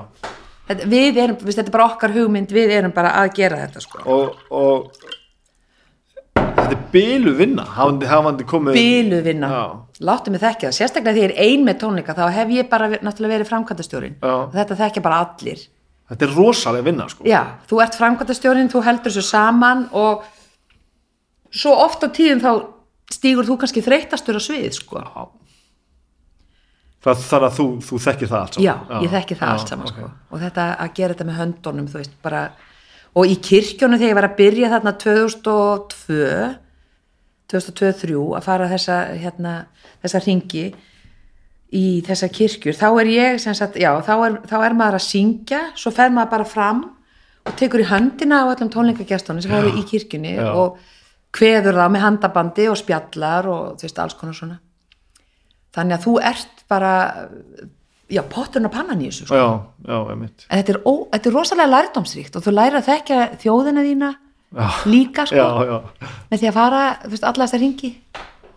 Það er bara ógislega gaman, sko. já. Já, þá er ég bara eiginlega að gera það. Hver var spurningin? Engin, bara Nei. þetta, það var bara hva- hvað voru að gera, það var þetta með jókvæðan og allt saman Mhm. og þetta er allt, já, þetta eru allt svona verkefni sem að, Já, svo koma jólin og það er alltaf þessi jólatónleikar og og þú náttúrulega vantar alltaf í törn þá. já, ég hef alltaf verið í törn þá nema síðustu, bara núna fyrir síðustu jólin þá var ég ekki á neinu svona stórtónleikum þú veist, með öðrum Já. en þá var ég bara ein að, að taka að mér bara, þú veist, það sem ég var bara beðnum, svona persónlega Já, bara minni gig, ekki Já. svona, já, já, sem var líka ógislega gaman sko en en náttúrulega, mér finnst alltaf gaman að koma fram í hörpu það er alltaf geggja segir ekki David í. nei, ég segi ekki nefnir því en meina, ég er náttúrulega, ég er að vera sko 57 Já, og veist, maður finnur að giggunum fækkar það, það bara gerist að þú ert sjaldnar, sjaldnar beðin. já, Já, ok, já, það er bara eðlilegt sko, ég hef talað við jafnötur mínar í söngnum í þessu líka og það er bara, þú veist, þetta er bara þú veist, eitthvað sem gerist hjá öllum já, líka kallmönnum sko, já, já, með aldrinum nema kannski Helga Björns nema kannski Helga Björns. Mhm. þetta snýst alltaf um að þú þú getur ekki setið við síman, það er bara þannig það gerist ekki neitt, þú verður alltaf að vera Já, búa til eitthvað, taka þátt í einhverju uh uh, og framkvæma sko annars bara, annars bara gerist ekki neitt og galdurinn er að vera alltaf að gera eitthvað já, það er bara galdurinn sko um leið og þú sest niður og nennir ekki þá er þetta bara búið það er bara þannig já, það er alveg satt, Já. það er fullkomlega rétt. og ég meina, þú veist, margir sem að þekkir sem hafa fengið, þú veist, bara eftir plötur ég meina, hérna sko Björgun Halldórsson í mann með þess eftir því að hann fekk ykkur að ömurlega dóma eins og fyrir ykkur að sólarplötu sem hann gerði og ég hugsa bara, ef, veist, ef ég hefði fengið hérna, þetta var mjög ósangjant sko ég hefði bara hætt Já, og ekki meir geir mást ekki eftir þeirri, Jú, hérna já. fyrir já, menn Geir Ólafsson hann er ennþá hann er að selja eh, Já. upp jólatónleika og alls konar þú veist að maður má ekki gefast upp nei, það er bara þannig, maður, maður á alltaf að halda áfram akkur gerur þess að síðastu plötu svona seint? já, heyrðu þá bara fannst okkur komið tími til að eh, mér og aðastinni útgefanda mínum að, þá bara einhvern veginn voru liðin hérna sex ár og ég var sem sagt það mikið að syngja að honum fannst uh, alveg bara tilvalið að koma með eina eina plötu og þar bara safnaði ég saman svona rosa ljúfum lögum mér langaði til þess að búa til rosa ljúfa plötu Mhm.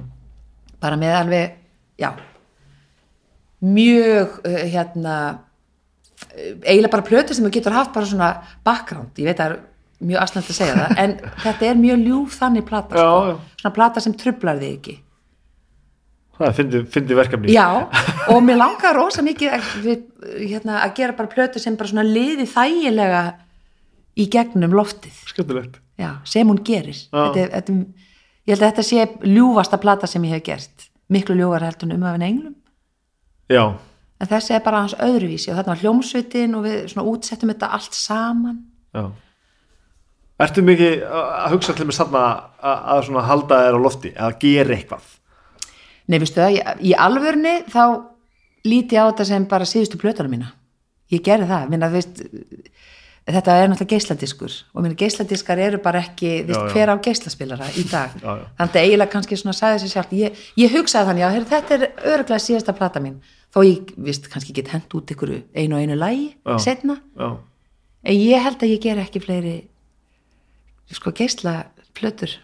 og, Geisladiska. og sér eftir því að Nei, Nei. bara frábært ég, þessi, þetta er sjötta sólarplata mín eða sjöunda, Já, já Þú veist það bara mér finnst þetta bara geggjað En, hug, en hugmyndin að plötu og ég byrja eftir ferdugt Já, það er vel gert sko, það er hansi vel gert þetta er bara 17 ár Og þetta- þú ert ekki þetta að sakna þessa form sem þú veist heil plata er svona með upphafi og miðju og endi og svona eitthvað Velja saman lög og jú, mér fannst það rosa gaman Já. Mhm. við þessa plötu að velja sama lög og svona jú, jú. og mér finnst þetta skemmtilegt ferli Já. en ég er algjörlega sátt Já Og alg, algjörlega sátt við þessar þetta er eftir að syngja bara út í, út í eitt, út í óðandarlega já, ég held ég eigi eftir að gera það á einhvern hátt sko Já, Vist, ég er ennþá að syngja við útfarir og alls konar tónleikum en alveg sattu að þetta, ró- Og- þetta róist sem sagt að það, Að þetta róist já, aðeins niður, ég er já. Mm. nefnilega mjög sátt við það og mér finnst það bara, og ég held að, að hérna, og ég hugsa að kannski einhverju upplifið það líka, þegar þú ert búin að vera að vinna í raunni venjulega vinnu, venjulega vinnu einmitt, með söngnum þannig að söngun hefur alltaf verið sem sagt, hlutastar hjá þér Já, þá finnur maður að þegar það róast aðeins að maður nýtur þess og ég nýt þess að eiga helgar frí og Já. Veist, það er bara, Já, það er bara svolítið nýtt fyrir Þú mig ert svona að fatta hvað þetta er þægilegt Já, Og, ég er bara, og ég er ennþá einhvern veginn að vennjast í að eiga bara stundum helgarfrí af því að það hefur alltaf verið eitthvað í hverju viku alltaf eitthvað tvönd eða þrönd þannig að, og, já, ég held að sé bara komið tími til, sko af já, og eins með því að þetta verða rosa hlaup Já, já, og þessi óreglulegi tími getur aldrei verið viss um neitt já, Ég held að Allt- það myndi drepa mig alveg sko. Já. Maðurinn er- þinn er nú góður í þessu með þetta buff, buff dæmi alltaf, Já. sko. Ég skil þetta ekki Nei. maður Þetta er náttúrulega þar búið að koma þessi gríðalega fastar skorður Já, og já. allir vita hvað eru að gera allir vita hvað er að gera og þetta er bara svo smurði vél, sko Já. Og Þeir langar ekkert að hlaupa upp á svið með buffi og fara, fara, fara að performera, þú ert ekki alveg þar Nei, nei Nei, saman með mér, ég er bara að ég bara, þú veist við erum bara greinlega ekki balfólk Nei, ég er bara, ég, ég er bara, ég, ég skil svo vel það sem þú ert að segja. Þetta, þetta myndi rífa úr mig sálina. Já, þetta var eitthvað, það var eitthvað sem dó inn í mér þarna. Þetta gerði maður þetta og ég meina, þú veist, uh, þú veist, þú ert að vinna fyrir þér sem tónlistamæður og maður bara gerir ímislegt. Já, það, já, það er bara auð- þannig. auðvitað maður. Já, en þegar, og ég sé ekki eftir neinu, guð minn almáttur, alls ekki. En sko þegar bara, þegar þú ert komin í þá stöð að þú getur farið að segja nei, þá er það líka alveg ógislega gaman Já, að geta gert það já, já, já, já, og, og sko geta valið Já, já. hvað maður gerir og það bara hefur verið rétt val á svona hverjum tíma sko mm. ég, En- ég held það En fjölmjöla mennskan á, heldur hún haldi áfram? Já. Og tétt líka? já, ég held það en ef að hún stoppar, Já. ef mér verður sagt upp Já. þá er það bara allt í lagi sko Já. En ég, þú, ég er ekki í ykkurum óta hvorki í söngnum né í vinnunni sko Nei. ég, hérna, ég er bara ég er bara já, ég, ég bara hugsa ekki svona langt fram í tíman Nei, en ef þú myndir bara missa söngvinnuna og, mynd- Og Já, útvarpsvinnuna. þetta myndir bara fara, Ég hvað? heyrði, einhver tíma reyndi ég að tryggja á mér raddböndin að Já. ég hugsa með mér, vá, ef ég missi Já, þannig röddina er það. ég er að syngja og tala Já. en hérna, en það tryggir engi raddbönd, Nú? nei ég fór á milli, hérna, trygginga fyrirtæki þetta er örgla svona 15 ár síðan eitthvað svo leiðis, Áhugavert. já, Þú getur tryggt á þær hendunar á hljófari líka. já, skil spes Hmm. nei, ég bara vona sá dagur kom ekki bara að, að hérna, Nei, þú ert svo tilum með þetta, það Já. er allt í lagi. Þú veist, Já, þetta já. syngja allt í lagi. já, ég veit ekki hvað þetta ég hef bara ekki getað hort svona langt fram í tíman sko. og fyrir háskóla og, og fyrir að læra að spila golf já, ég veist að ég all- alltaf endi ekki með því hvað er ég bara í sko háskólan en hérna, já, ég er, ég er óslega gl- glöð að vera á þeim stað að þetta er ekki svona eitthvað óttablandi hjá mér eitthvað hræðsla Nei. við þetta sko og hefur vantarlega aldrei verið með hvernig þú talar þetta er ekki svona ekki í fjölmiðlunum, nei, nei, aldrei en auðvitað hef ég verið stress, stressuð að stíga á svið og kvíðun og svona Já, já. já, já, já, já. hvað er mér góður ég er það alltaf, það fyrir aldrei Nei, ok. alltaf kvíðin áður en fyrir svið Já. Það var með halda- hjartað í buxunum, sko. að Halda spennunni maður. Já Nei, Það passar Það var að er hringja. þetta, er þetta búið? Þetta er búið spil Hver anskotin gengur að, þú ert að trubla mig hérna í miður viðtali Já Ok, ég ringi, þetta er alveg að vera búið Ok, bye Mjög gott En eins og núna, hva, hvað ætlar að gera næst? Ertu, ertu með alltaf hugmynduna og ætlar að fara að búa ykkur til? Meira? Uh, já, það er mjög góð spurning sko, hvað er ég að fara að gera næst? Ég hérna, ég er ekki með eitthvað svona, mm, eitthvað konkrétt, ertu ekki að meina í söngnum? Jú, Nei, ég er ekki með eitthvað svona konkrétt sko, en það er ein svona hugmynd sem ég, sem ég langaði til þess að gera, því nú á ég batnabatn, og já, náttúrulega batnabötn, En- En Amma já, en yngsta er hérna tveggjára og ég er að syngja rosa mikið fyrir hann og þá svona sko kviknaði þessi hugmynd að ég er að syngja afi minn og afi minn, þau hérna afi minn fór á honum rauð og allt þetta, allar þessar gömlu vísu sem bara voru sungna fyrir mig og þá Vísnabókina? átta ég mig á því að það er ekkert allir sem kunna þær Já, vá og þá hugsaði ég með mér, ok, ámar ekki að syngja þetta inn þannig að þetta Æ, sé bara ég til gerði einhver það nú staðar fyrir mig Er það ekki svona ömmuvísur? Mikið væri það nú gott Það var eiginlega nýjasta hugmyndi mín, ömmu vísur. Ég er ekkert að fara að gefa út ykkur disk með því, en bara, þú veist, kannski hafa það einhvers staðar bara í tölvutæku, einhvers staðar á netinu. Já, gerði það nú Það er hægt að áður en ná. að börnum mín verður fullorinn Það væri rosa gott, Já, ég mér hefna þessu já. Þetta er sem sagt alltaf svona, þú ert greinilega alltaf að hugsa eitthvað fram í tíman, þú ert alltaf eitthvað svona e- það er já, eitthvað ég- næst Já, já, kannski. Kannski ómeðvita, sko. Eða það er svona popp upp ykkur hugmyndi, þú veist, kannski verður ekkert úr þeim, sko. Þú lætur En þetta hljóma svo auðvelt sko Það bara, já, verður að Það hafa er eitthvað svæðilegt, af því það er ekkert er auðvelt. að, Þetta viðtalið búið að hljóma eins og þetta hafi allt saman gerst algjörlega sjálfur sér og þú ekki haft þurft að hafa fyrir neinu og ég veit að það er svo mikið það er svo mikið helbert kæftaði sko Vá, hvað það er skrítið, af hverju kemur þetta svona út? Vá, hvað ég er eitthvað vondur viðmælandi. Nei, Nei, þetta- auðvitað hefur þetta allt verið bara brek, auðvitað er þetta brekkur út um allt. já. maður hefur þurft að hafa fyrir þessu En hefur klest á eitthvað starf, almennilega? nei, Nei, ekki sem ég man eftir Nei.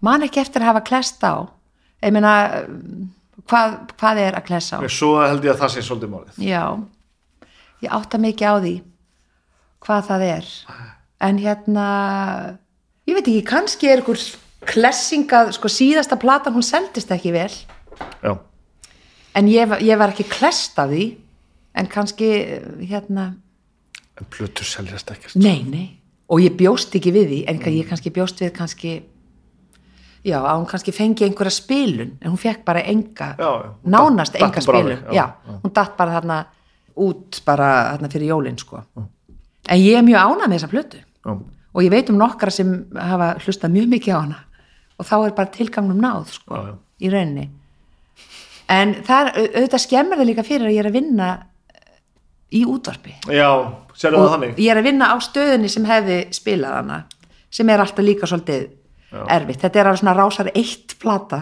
Já, já, já þannig að mér er bara næra að vera að vinna þarna sko, í rauninni og svo líka þegar þú ert að gefa út fyrir jólin og það er svo mikið í gangi þú veist, það, er, Það er það er alltaf, svo ást- auðvelt að tínast maður er alltaf með ástæður, það gengur ekki nógu vel. já, en þetta er ekki beint ég get ekki sagt að þetta sé klessing Nei. en, hérna, en þessi plata er til og verður til að eilífu Já, já. þannig er það ekki bara frábært Nei, það er, ég finnst þetta allt saman hópast já Þetta er mjög gott, við Já. komumst á leiðar Takk fyrir að Ég tala held það, takk fyrir mig.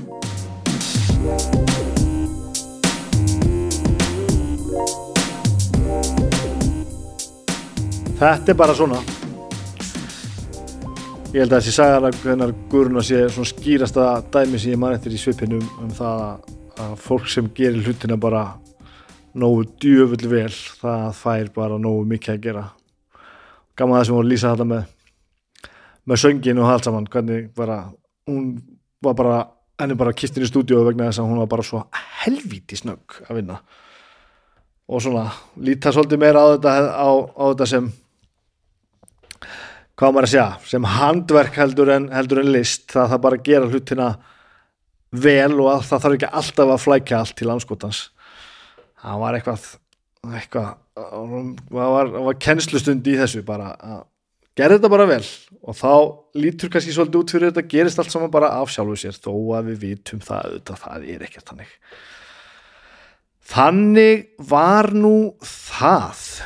um, Takk fyrir að hlusta á okkur Eh, Við finnum mikið fyrir því núna í þessum, á þessum upphafsumbrotstímum hljóðkirkjunar að þetta gengur lígilega vel það erum ótrúlega margir að hlusta og við erum bara að fá alls konar gott feedback og allt sem við erum að gera sem er gríðalega gott bensin á tankin þeim er endilega hjálpa okkur áfram að því að tala svona vel um okkur á, á sem flestum vikstöðum og eins meðið leita okkur uppi á, á Facebook og svo meðið endilega gefa okkur engunir öllum þessum þáttum á, á, á, á veitónum eh, á iTunes og, og öllu þessu gefa maður engunir á, á, á Spotify ég maður ekki, allavega eh, subscribe þetta allt saman og, og mæla með og, og, og skrifa umsagnir og hitt og þetta það, það ítur ykkur upp þessa lista og um, eins, þetta- eins og þetta er nú eins og romantist og, og fallegt og skemmtilegt eða þetta er nú allt saman þá vil, viljum við vissulega fara ofar á þessa lista vegna þess að þá er þetta einfalda sér lífið aðeins í, með því að ná aðeins í tekjur af þessu því að fyrsta skrefið í þessu öllu saman ef við ætlum nú að halda þessu úti held ég sé óumflýjanlega að fá aðeins meira fjármagn inn í þetta svo að sérstaklega Baldur bróðuminn sem stendur nú í því að- að að- að- að tækni vinna allar sem þætti hann, hann getur nú réttlæta fyrir, fyrir ófætta barni sitt að- að að sitja við tölvuna endalaust og klippa og sæna og græja og, og, og, og snurfusa en það er nú eins og það er um, og talandi um hljóðkirkjuna í þessari viku bara eins og venjulega síðasta, núna, síðasta mánudag var um, Dómstafur heitir það, Dómstafur, takk um, sama ruglega og venjulega sjálfsögðu, ógeðslega skemmtilegu þáttur uh, þátturinn uh, drauga fortíða var á Daskó í gær uh, og þar var hvað var að segja hellaskoðunar þema já, hellaskoðun sem að sem að tók óvænta stefnu, við skulum hafa það þannig e, og á morgun er náttúrulega besta platan og þetta skiptið er það besta platan með eh, pulp það er different class með pulp þannig er það orðstótti viðbútt líka, ljótu halvutattir eru græna hattinum 3. og 4. júli sem er um, fyrsta fyrsta samkoma eftir samkomi bann og ég held að við gætum orðið bæði glaðir og þyrstir þegar þangað kemur þannig að endilega komið og hjálpið okkur við það það eru miðar til sölu á tix.is og grænihatturum.is og ég veit hvað og hvað þetta er held ég akkurat það sem við þurfum þessa vikuna og svo bara höldum við áfram og þangað til næst bye